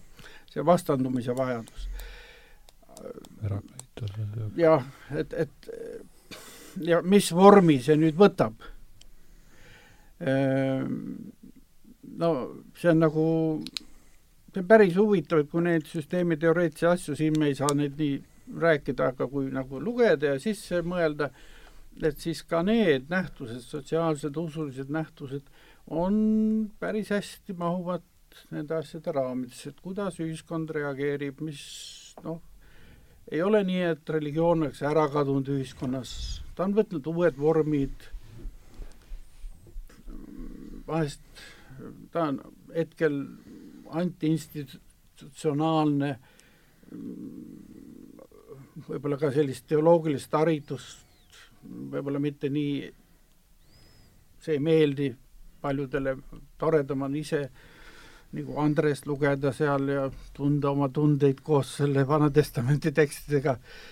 Ehm, aga mis sealt sünnib kollektiivselt, missugused jõud vallun-, vallanduvad, on need armastuse jõud või vihkamise jõud, jah ja ma lisaks siia ühe aspekti veel ja ma arvan, et see on niisugune keelekasutuse aspekt. et tegelikult, kui me räägime niisugusest tänapäeva ühiskonnast, räägime ka poliitikast, siis äh, ilmselt ei ole väga suur üllatus, aga tavaliselt me ei pööra sellele tähelepanu, et sellist apokalüptilist äh,, näe, tulen apokalüptika juurde ikka tagasi äh,, retoorikat kasutatakse päris äh, mitmes kontekstis. ja ma äh, hiljaaegu lugesin ühest niisugusest autorist, kelle nimi on Alison McQueen ja tema on hiljaaegu ähm, äh, avaldanud raamatu äh, Poliitiline realism apokalüptilistel aegadel. ja ta seal mm -hmm. äh, räägib sellest, et selline apokalüptiline retoorika just poliitilisel maastikul äh, võib äh, luua ühelt poolt niisugust ühtsuse tunnet, täiesti arusaadav, kriis on meil, nüüd me kasutame seda keelt, mis on osalt ka kujundite keel, mis on sageli väga tugev, aga teisest küljest võib ta tema meelest äh, luua ka sellist alusetut ja mora-, moraalselt väärat kindlusetunnet mm.. see on seesama asi, millele me siin viitasime, et eesmärk on meil teada, ükskõik missuguste vahenditega liigume selles suunas. Et, et kasutame seda. ja ta nagu ta näeb nagu seda positiivset poolt ja negatiivset poolt, ta ütleb, et et äh, tegelikult seal on see oht, et keerulisi nähtusi selles kriitilises situatsioonis hakatakse lihtsustatult sõnastama. hakatakse apokalüptilise sõnakasutuse abil lihtsustama selleks, et rohkem tuleks selle idee taha või rohkem tuleks tegutsema, rohkem inimes-, suuremate inimesteni jõudmine, aga iga kõnemees teab, et mida suurem on auditoorium, seda lihtsamalt sa pead rääkima mm. seda ja, ja kui sa hakkad rõhuda kujunditele, mis on nimelt, vere, veres. hakkad lihtsu-, hakkad lihtsustama, aga selle lihtsustamisega sa võid tegelikult midagi väga olulist ja sisulist äh, kaotada, et äh, et võib-olla siin on natukene ka sellist keelekasutust ja kuidas üldse apokalüptilist keelt ka, ka tänapäeval kasutatakse, see on ju täiesti, täiesti olemas. see on täiesti olemas, me võime, võime noh, minna kas või Ameerika äh, kultuuri, Ameerika poliitikasse, aasta kaks tuhat viis, kaksiktornide lugu, äh, pärast räägitakse puhastustulest, võitlusest terrorismi vastu, need on kõik apokalüptilised väljendid, mida kasutatakse. mille, mille järel peaks siis tulema üks niisugune puhastunud ja mille järel peaks tulema siis niisugune puhastunud ja, ja, ja parem äh, situatsioon. teisest küljest muidugi on ka nii, et et igasugune kultuur tegelikult lihtsustab, see ongi ju li, keele, see ongi üks no, funktsioon. muidu me ei suuda elada jah, kõige keerukusega ei suuda elada ja see on paratamatus, et me teatud maani lihtsustame, no no ka piibel, eks ole, suur keeruline raamat, aga ikka me loome süsteemi, lihtsustame. aga määra küsimus, eks. jah, et nüüd jah, ma ütleksin niimoodi, Toivo, et küsimus on, mis maani ja kus algab see oht, et kui teaks, no me siiski nagu tajume, et kui noh, see ohumärk eks me seda koos ju avastame ja, või peaks tegelikult ja, tegema. et, et nüüd on hüüumärk, nüüd stopp, siit edasi enam ei tohiks minna selle lihtsustamisega. et see, no poliitikas sama, eks ole, et kõik tahaksid jõuda auditooriumini, aga noh, kui enam ei saa, teised on juba siiamaani lihtsustunud, aga me teeme veel ühe sammu mm. -hmm. ja teised ütlevad, aga nüüd me teiega enam koos ei mängi noh, niisugune keerukas probleem. aga eks see on usuvaldkonnas samamoodi, et et usk võib min-, muutuda ükskõik milline usk, mitte ainult ristiusk, vaid, vaid ka islam või noh, nendest me kipume rohkem seda arvama või, või ka tavaline mingi loodusreligiooni e, nähtus võib muutuda nii ekstreemseks, et inimvaenulikuks ja vihkaks täiesti destruktiivseks. selliseks noh, tuleme jälle sõna sekt juurde. või vastupidi, ta võib kanda endas sellist nägemust, sellest konfliktist kõrgemale viitavat nägemust ja see, kui me räägime kiriku funktsioonist ühiskonnas, koguduste funktsioonist, siis ma arvan, et see ongi see, et konfliktisituatsioonides ikkagi püüda pühakirjast lähtuvalt ka nende tuhandeaastane kogemus läbi kult-, ajaloo, kaks tuhat aastat Kristust, püüda näha ja ka teistele näidata, et sellest konfliktist kõrgemat nägemust, mis aitab mm -hmm. ületada. see oli nüüd see Toimbi mõte, eks jah, et see, see on noh, mis vääriks juba seda tuhandeaastase riigi noh, seda lõppnägemust. kas see on ka mingi konkreetne teos, kus, see mulle meeldis see, et, et kes ulatavad konflikti, prohvetid, kes ulatavad äh, konfliktist üle, et kas see on mingi toimiv konkreetne teos? see on see, mis on eesti keelde see Taiu kirjutanud, see maailma ajalugu on ju igavene pikk mm -hmm. kümneid-kümneid kõiteid, aga aga see on see viimane, mis ta ise kokku võttis ja mis on eesti keeles tõlgitud, aga ma niimoodi ei oska peast mm -hmm. eesti keeles on olemas see? jah, see on eesti keeles on olemas ja, ja noh, selles filosoofide sarjas, kus on palju neid kõiki, kõiki, et aga noh, see on ise ka kokkuvõte küll, aga see on ise paras telliskivi, et see on no. aga ma lisaks siia juurde ühe asja, et ma arvan, et et lisaks sellele, millega hästi nõus, mida, mis siin just nagu äsja kõlas, ilmselt üheks kriitiliseks momendiks ühiskonnas on ikkagi selline alandlikkus kuulata võtta erinevaid hääli ka selles kriisiolukorras. mitte kapseldada vastuseid nagu ühte kohta ainult mm. -hmm. sest kriisiolukorras muidugi ta-, tavaliselt mis juhtub, on see, et äh, mida suurem on kriis, seda suurem on tõenäosus, vähemasti minu meelest, et, äh, et kerkib üles üks tugev ja suur juht, kes ütleb, et nüüd lähme selles suunas. ja no mõnikord tuleb ka öelda, et kui on ikka tulekahju, siis uks on seal ja nüüd seda välja. enam, kui asi kaosesse kipub, kui asi kipub kaosesse minema, siis on esimene asi kord, kord. aga niisuguses tavaolukorras ja ma arvan, et äh, tegelikult tuleb ikkagi isegi tulekahju olukorras küsida, et kas see, kes kõva häälega seda ütleb, ikka päris täpselt teab, kus see uks on või, või, või teeb ta lihtsalt kõva häält. et see, see võime ka, ka nendes olukordades erinevaid hääli kuulata ja see eeldab teatud alandlikkust. ma arvan, et see annab ka võime vaadata kõrgemale ja kaugemale selles situatsioonis, kus me oleme. et seal on mm -hmm. suurem perspektiiv. jah, see alandlikkuse motiiv või idee on kindlasti seda ju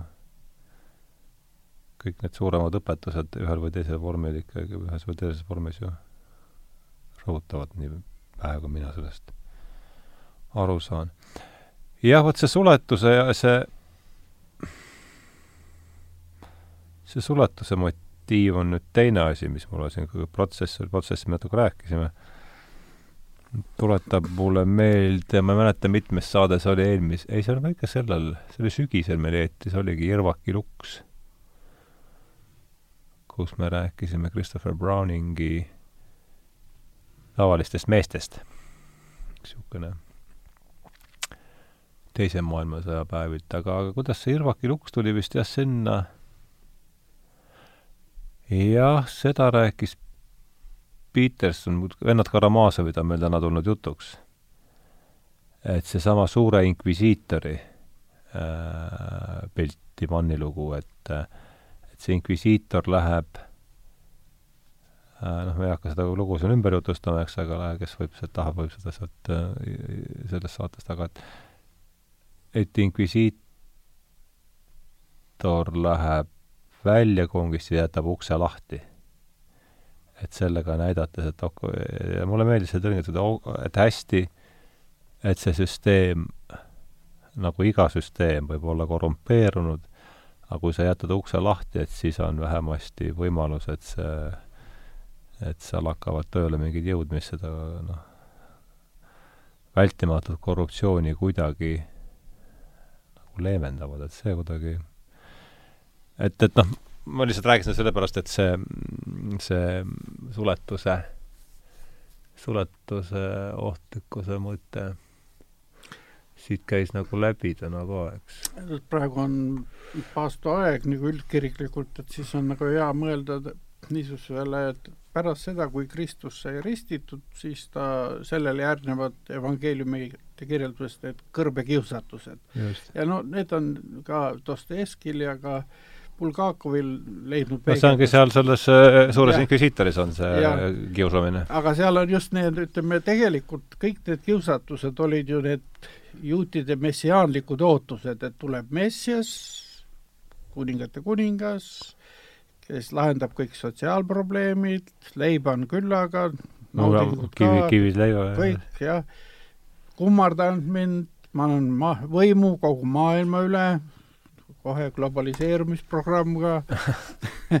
Ja, ja siis on need äh, religioossed imed, tee, näita, kuidas jumal kõik kohe kukuta ennast siit templi harjalt alla et ja et- inglid püüavad sealt kinni, sinuga midagi ei ei, ei juhtu. tõu-, tõukaks jalga vastu kivi, see oli väga poeetiliselt. ja, ja, ja Jeesus vastab iga kord pühakirjaga, aga, aga ütleme, see kõrgkiusatuste aeg päris hästi kirjeldab ka neid kiusatusi, mis ikka inimkonnal on.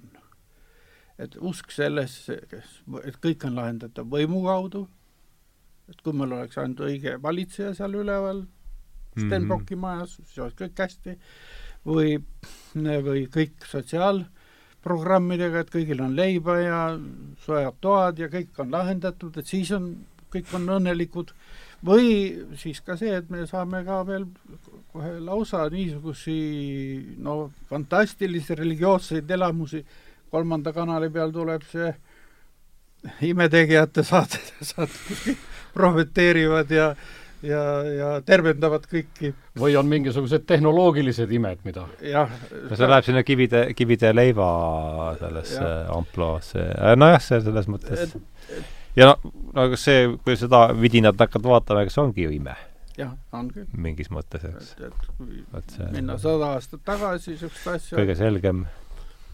jah, aga, aga mis äh, see on no, huvitav, et noh, ongi ime, ongi imeleib nii-öelda.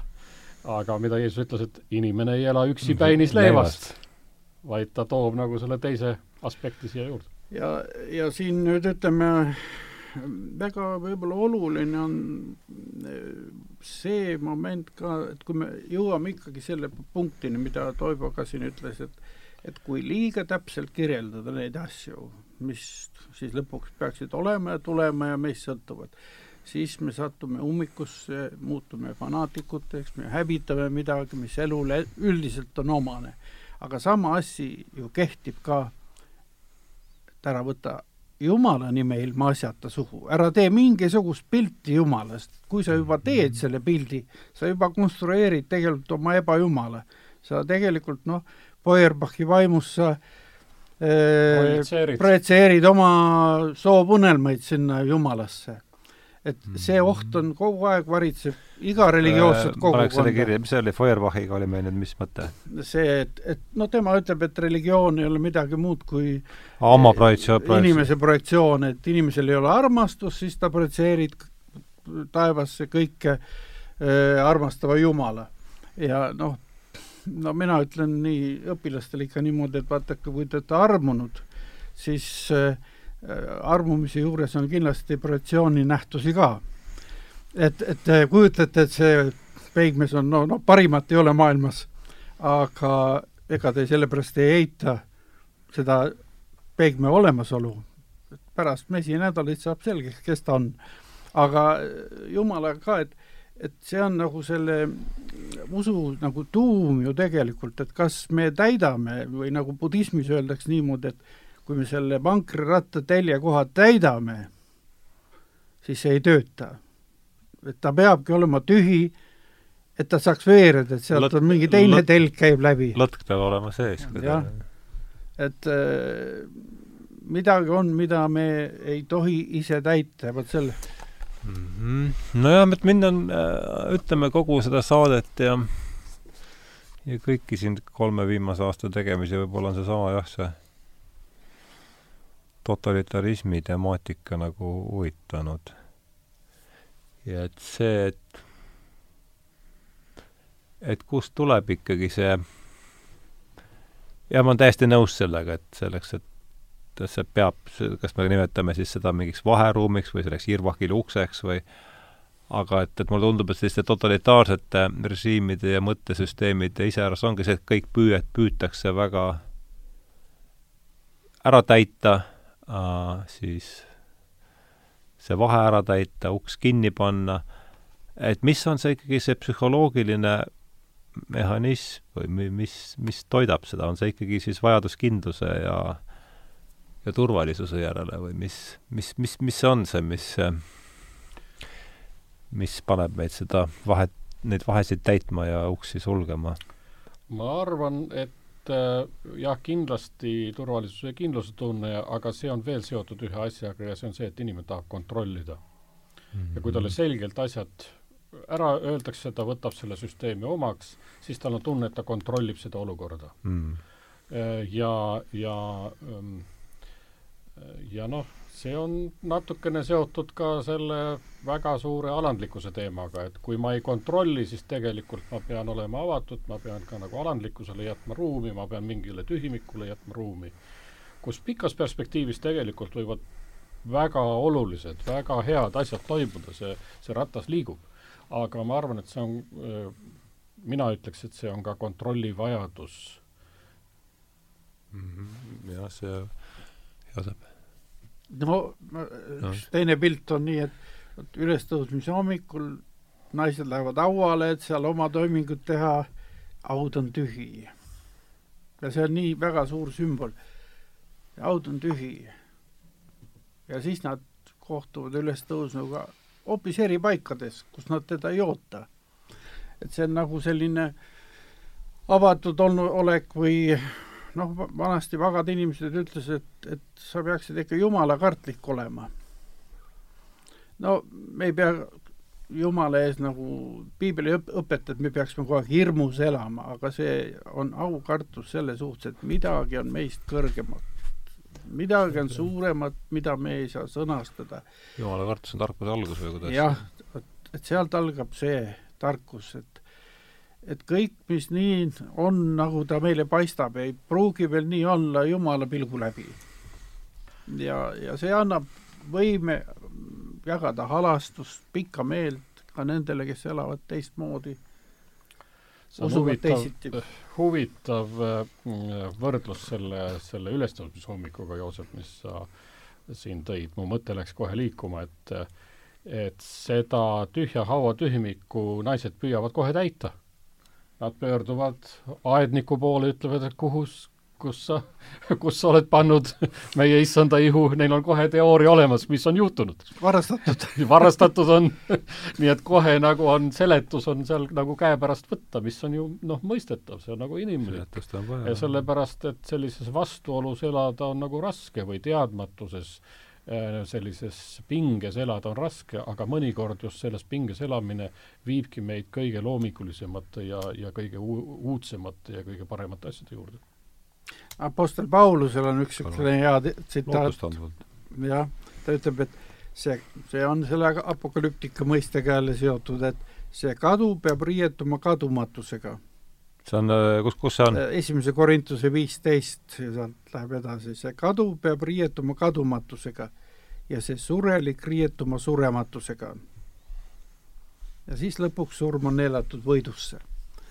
et seal on noh, see suremise pilt on seal seotud ka selle külvi ja niisuiva ja, ja uue tärkamisega, aga aga me oleme selles maailmas hästi, seame ennast sisse, selle maailma parandamine on alati ka tugev sidumine ennast ka kaduvusega, oma plaanide, mõtetega, see sobib, see ei sobi, aga selle laiema, kaugema perspektiivi nägemine, mis meid kõiki ühendaks kui surelikke, aga siiski surematuid mingis mõttes Jumala pilgu läbi. et see on jah, tuleme jälle mõiste juurde, protsess, milles me pidevalt elame et täna ka siin midagi selle saate jooksul ju meiega ka juhtub, sest me sõnastame midagi, aga millestki ka loobume, et ütleme, et ei, see on sõnastamatu Ava,. avastame midagi ja. siin ka kamba peal loodetavasti. ma ei tea, vot jah äh,, nii, aga me oleme siin tund nelikümmend oleme istunud, et äh, aeg hakata mõtlema võib-olla, kuidas see asi siin nüüd paarikümne minuti jooksul koomale tõmmata. no vot, mina olen ju leiba teeninud siin veel majandusteadlasena või mis ma, ökonomistina pigem olen ka praalimas. aga et äh, kaks tuhat kaheksa, kui see suur kärakas käis, siis ma olin veel niimoodi tööl sellel, sellel ametikohal ja ma mäletan, et üks see nüüd haakub natuke selle Uue ja Vana Testamendiga hoopis huvitava kandi pealt minu arvates, polnud varem niimoodi mõelnudki. Et kui arutati selle üle, et mis selle kriisi põhjused olid, et siis, et kõik olid nõus, noh, enamik on nõus sellega, et need instrumendid, millega seal kaubeldi, olid nii keerulised, et noh, mitte keegi ei saanud neist lihtsalt enam aru. ma mäletan, kord mingi Rootsis mingis koolit-, mingil koolitusel käisime, siis oli üks, toimus mingi õhtusöök ja seal tuli üks Rootsis oli just tulnud üks matemaatikadoktor. ta, noh, ta ei olnud veel niimoodi, ta oli just äsja tööle tulnud ja ja ta oli niimoodi, no ei olnud niimoodi noh, oli niisugune värske ja roheline veel ja lihtsalt alles, ma mäletan, ma mäletan siiamaani seda siiras imestuse nägu, et ta ei saanud aru, et mida talle müüdi ja ja ühesõnaga see, kes talle midagi müüs, see ei saanud aru, mida ta müüs ja, ja see, kes ostis, ei saanud midagi aru. Ja nii, ja nüüd käib see, no seal on muidugi terve rida põ-, teisi põhjuseid veel, et äh, ega see nüüd ei ole ka ainult see, et, et see asi liiga keerukas oli, aga aga siis käib see kärakas ära ja lahendus sellele on see, ma ei mäleta, mis see seaduseelnõu oli, mis kongress vastu võttis, see on kaks tuhat seitsesada lehekülge äh,. siis äh, seda noh lahendust lahendust, jah. et see, siis ma sain nagu aru sellest, et kui tõsine see pro-, probleem tegelikult on, millega me seisame vastamisi et kui me peame panema selle lahenduse kahe tuhande seitsmesajasse lehekülge, siis mismoodi me sellest äh, piiblist nüüd mis on kokkuvõtte teeme mis on tuhat ja kakssada midagi, olenevalt köitest on paks. jah, sest no kõik, mida see teeb, on see, et äh, lükkab selle halli ala lihtsalt mujale. noh, kõik see TV viis tuhat äh, lehekülge seadusi. see seaduse ja lubatavuse ja lubatavuse hall ala lihtsalt noh, lihkub mujale ja, ja probleem jääb ju alles. aga sellest kahe tuhande seitsmesajast leheküljest siis tuli ikka kasu või? no ma ei tea, siiamaani on tuled põlevad et äh, ka kaua on omaette küsimus muidugi, aga et no mis noh, see on lihtsalt, ma räägin teile loo, loo oma sellistest ähm, kuuldust, et noh, see haakub ju kindlasti teie oot-, mingit pidi eeldades, et me siin oleme kõik vähemasti surelikkuse pidi seotud kolmekesi, et et mingit pidi see haakub teie, mis, mis no. mis me tegema nüüd peaks hakkama? ja kui minna selle kui me tahame nüüd kümne minuti jooksul lõpetades peaks hakkama, hakkama kuulajatele juba niimoodi panema kirja, mida tegema peaks. et siin avaneb kohe uus teema, et mis ütleb, et piibel, eriti Vana Testament keelab, noh, Uus Testament samuti keelab ära liigkasu võtmise, see on protsendiga kauplemise mm. -hmm. aga juudid muidugi laenasid selle ponniklastelt, kes olid suured pankurid ja, ja muidugi omavahel nad seda ei teinud, sest see oli pühakirja järgi keelatud. seda ei tohi teha kogukonna sees, ei tohi, eks ole. aga väljapoole ja, ja, ja sealt algas suur-suur ajalugu. et kui minna allika juurde tagasi, ütelda, et et see on tõesti jah, mulli müümine, see protsentidega äritsemine, eriti kui ei ole enam reaalset katet, on ainult noh, kus need mullistumised ja plahvatused tekivad, see ongi see. aga äh, kas see on võimalik tagasi minna, ütleme noh, islamipangandus, see on omaette teema, no me olemegi uues teemas, kes püüab vältida seda noh, ütleme mulliteket, aga inimkonna ajaloo seisukohalt on ikkagi selge, noh, et mille kohta ka antiikfilosoofid ütlevad, et ei ole suuremat röövlit kui teeröövlid on väiksemad röövlid kui suurem röövlid, minu meelest Aristoteles ütleb, et on liigkasuvõtjad. no need, kes laenavad ja, ja sealt võtavad, aga aga ma arvan, et siin on üks aspekt äh, veel. Ja, äh, ja ilmselt äh, see, millest sa räägid, elab teatud jõududest ja see on ikka tarbimise soov et see on nagu see inimesse antud, ma ei tea, kust see on antud, aga, aga vajaduste suurenemine, tarbimine ja seda tagasi pöörata on väga raske. seda on väga raske tagasi pöörata isegi siis, kui sa saad aru, et see on nagu lumepall, mis üha kiiremini ja kiiremini veereb mäest alla, üha rohkem endaga kaasa tõmbab, üha suuremaks muutub, kiirus ainult suureneb ja mida rohkem ta allapoole jõuab, seda raskem on teda peatada, aga aga tegelikult isegi oma isiklikus elus on inimesel väga raske pöörata midagi tagasi. et siin me jõuame niisuguse valdkonna juurde, mis on vahel väga praktiline jääb üle ainult meelt parandada, no no paastu ajal just praegu olemegi. no ökoloogilised probleemid, uuesti katastroofid, eks ole, kõik sellega, mida, mis nagu mõned ütlevad, et on ukse ees veel kümmekond aastat, mõni ütleb isegi vähem. Et asi, kliimamuutused, kõik, et kuidas me sellesse suhtume. no ütleme, kliimamuutused Aafrikas, selles Sahara vööndis, need on juba kaasa toonud rahvaste rände. kuuekümnendal aastal Rooma klubi, siis mina olin noor poiss koolis, ma kogemata kuskilt lugesin, et see, öeldi, et et esimese-teise maailma konflikt ei ole üldse mingi konflikt, vaid tulevikukonflikt on põhja ja lõuna konflikt mm.. ja, ja me olime noored poisid, kuulasime, kuskilt lugesime, me ei saanud sellest aru, et mis see siis veel on ja täna on see reaalsus. täna on see reaalsus. jah ja, ja selles reaalsuses tuleb kuidagi ka nende inimeste, kes on juba sattunud katastroofi, kuidagi hakkama saada. noh, tänasel päeval on see varane urbaniseerumine jõudnud sinna äh, globaalsesse lõunasse, see on nüüd või teine teema nüüd aastaks kaks tuhat viiskümmend öeldakse teatud prognoosid, et kaks kolmandikku inimkonnast elab suurlinnades no,. et me räägime, et hoiame ikka ääremaad elus ja kõik, aga, aga noh, see on nagu väga võimsa tuule vastu sõdimine, aga meil on nii väike riik, et siin, see ongi üks suur linn, siia võib ehitada. aga kõik nüüd ütleme, tulles selle apokalüptilise temaatika juurde tagasi. jah, tuleme need..., tuleme tõesti, sest ja. me peame hakkama lõpetama, nii et võtame selle, katsume selle nüüd selle jah, kuidagi selle tuua selle, me las-, me oleme siin vänderdanud päris hoolega ja on olnud väga põnev minul igavalt kordagi, aga et et võib-olla jah, selle pakiga kuidagi kokku siduda nüüd, et selle apokalüpsise juurde tagasi, et palun. no mina ütleksin nii kokkuvõtteks seda, et mitte see, mis tuleb, vaid see, kes tuleb, on oluline.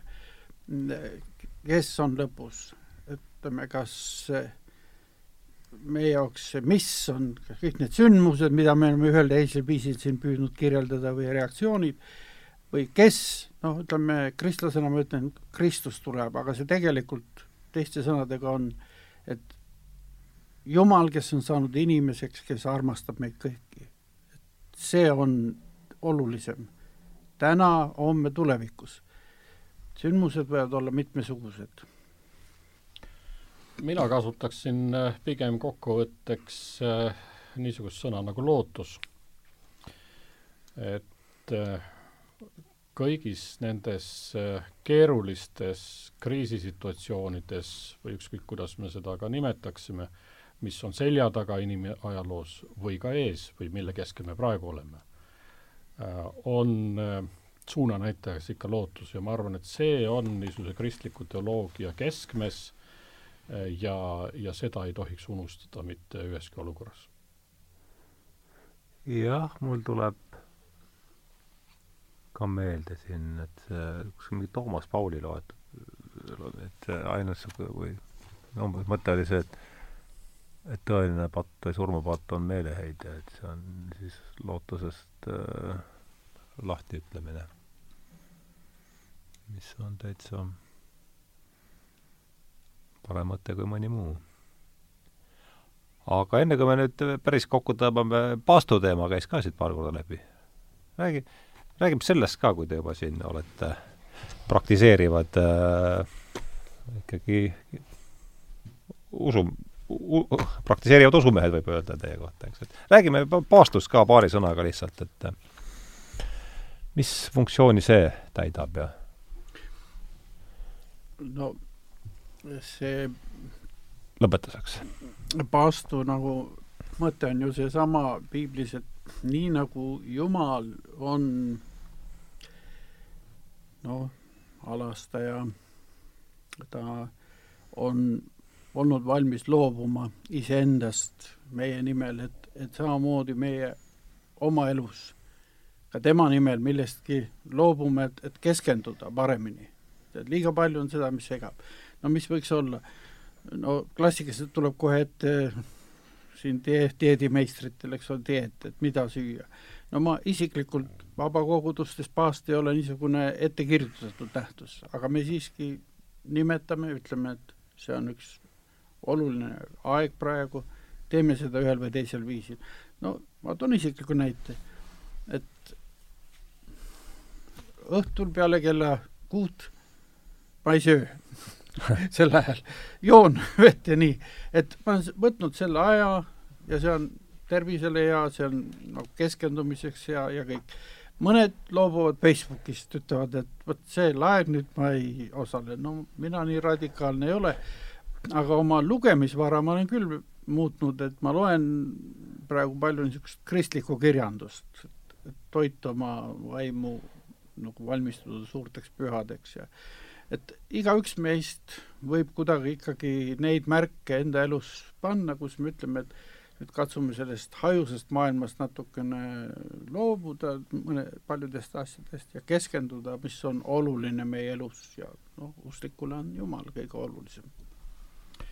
Ma loen ühe tsitaadi, mis on tegelikult õigeusu kiriku lauluvarast et äh, üks vabakoguduslane saab inspiratsiooni ka äh, naabritelt ja kaaskristlastelt. ja see kõlab niiviisi. pidagem paastu, mis on vastuvõetav ja issanda meelepärast. tõeline paast on kurjuse äraheitmine, keele taltsutamine, viha vaigistamine, himmude laimamise, valetamise ja vande murdmise äraajamine mulle näib, et see võtab väga hästi Paasto mõtte kokku, mis ei ole mitte ainult nagu väliste asjadega seotud, mis on tegelikult kontsentreerumisega seotud ja millel on kindlasti ka suhete ja sotsiaalne mõõde. suhete ja sotsiaalne jah, see ei ole eks ainult tühipaljas, tühipaljas dieet meil kindlasti. nii, kas on midagi veel, mis teil on endal südame peal. küll see ongi kõik, mis on öeldud. jah. aga siis äh, tõmbame vast äh, joone alla, et äh, tahaks teile kinkida veel raamatud, mis on meie seltsi sellest sarjast ja, ja ja siis see on hea sari aa, istub teile, jah? mina olen need kõik järg, järgepidi läbi no, lugenud teeb..., aga ma arvan, et see mul on veel sest see teeb äh, muidugi, see teeb selles mõttes rõõmu, et on ju, seda sa muidu teed, kui no ta on nagu vastukaaluks mõnele no, teisele, heaks vastukaaluks mõnele teisele asjale. no nii ta on mõeldud, jah ja.. nii ta on mõeldud. et muidu on, elame nagu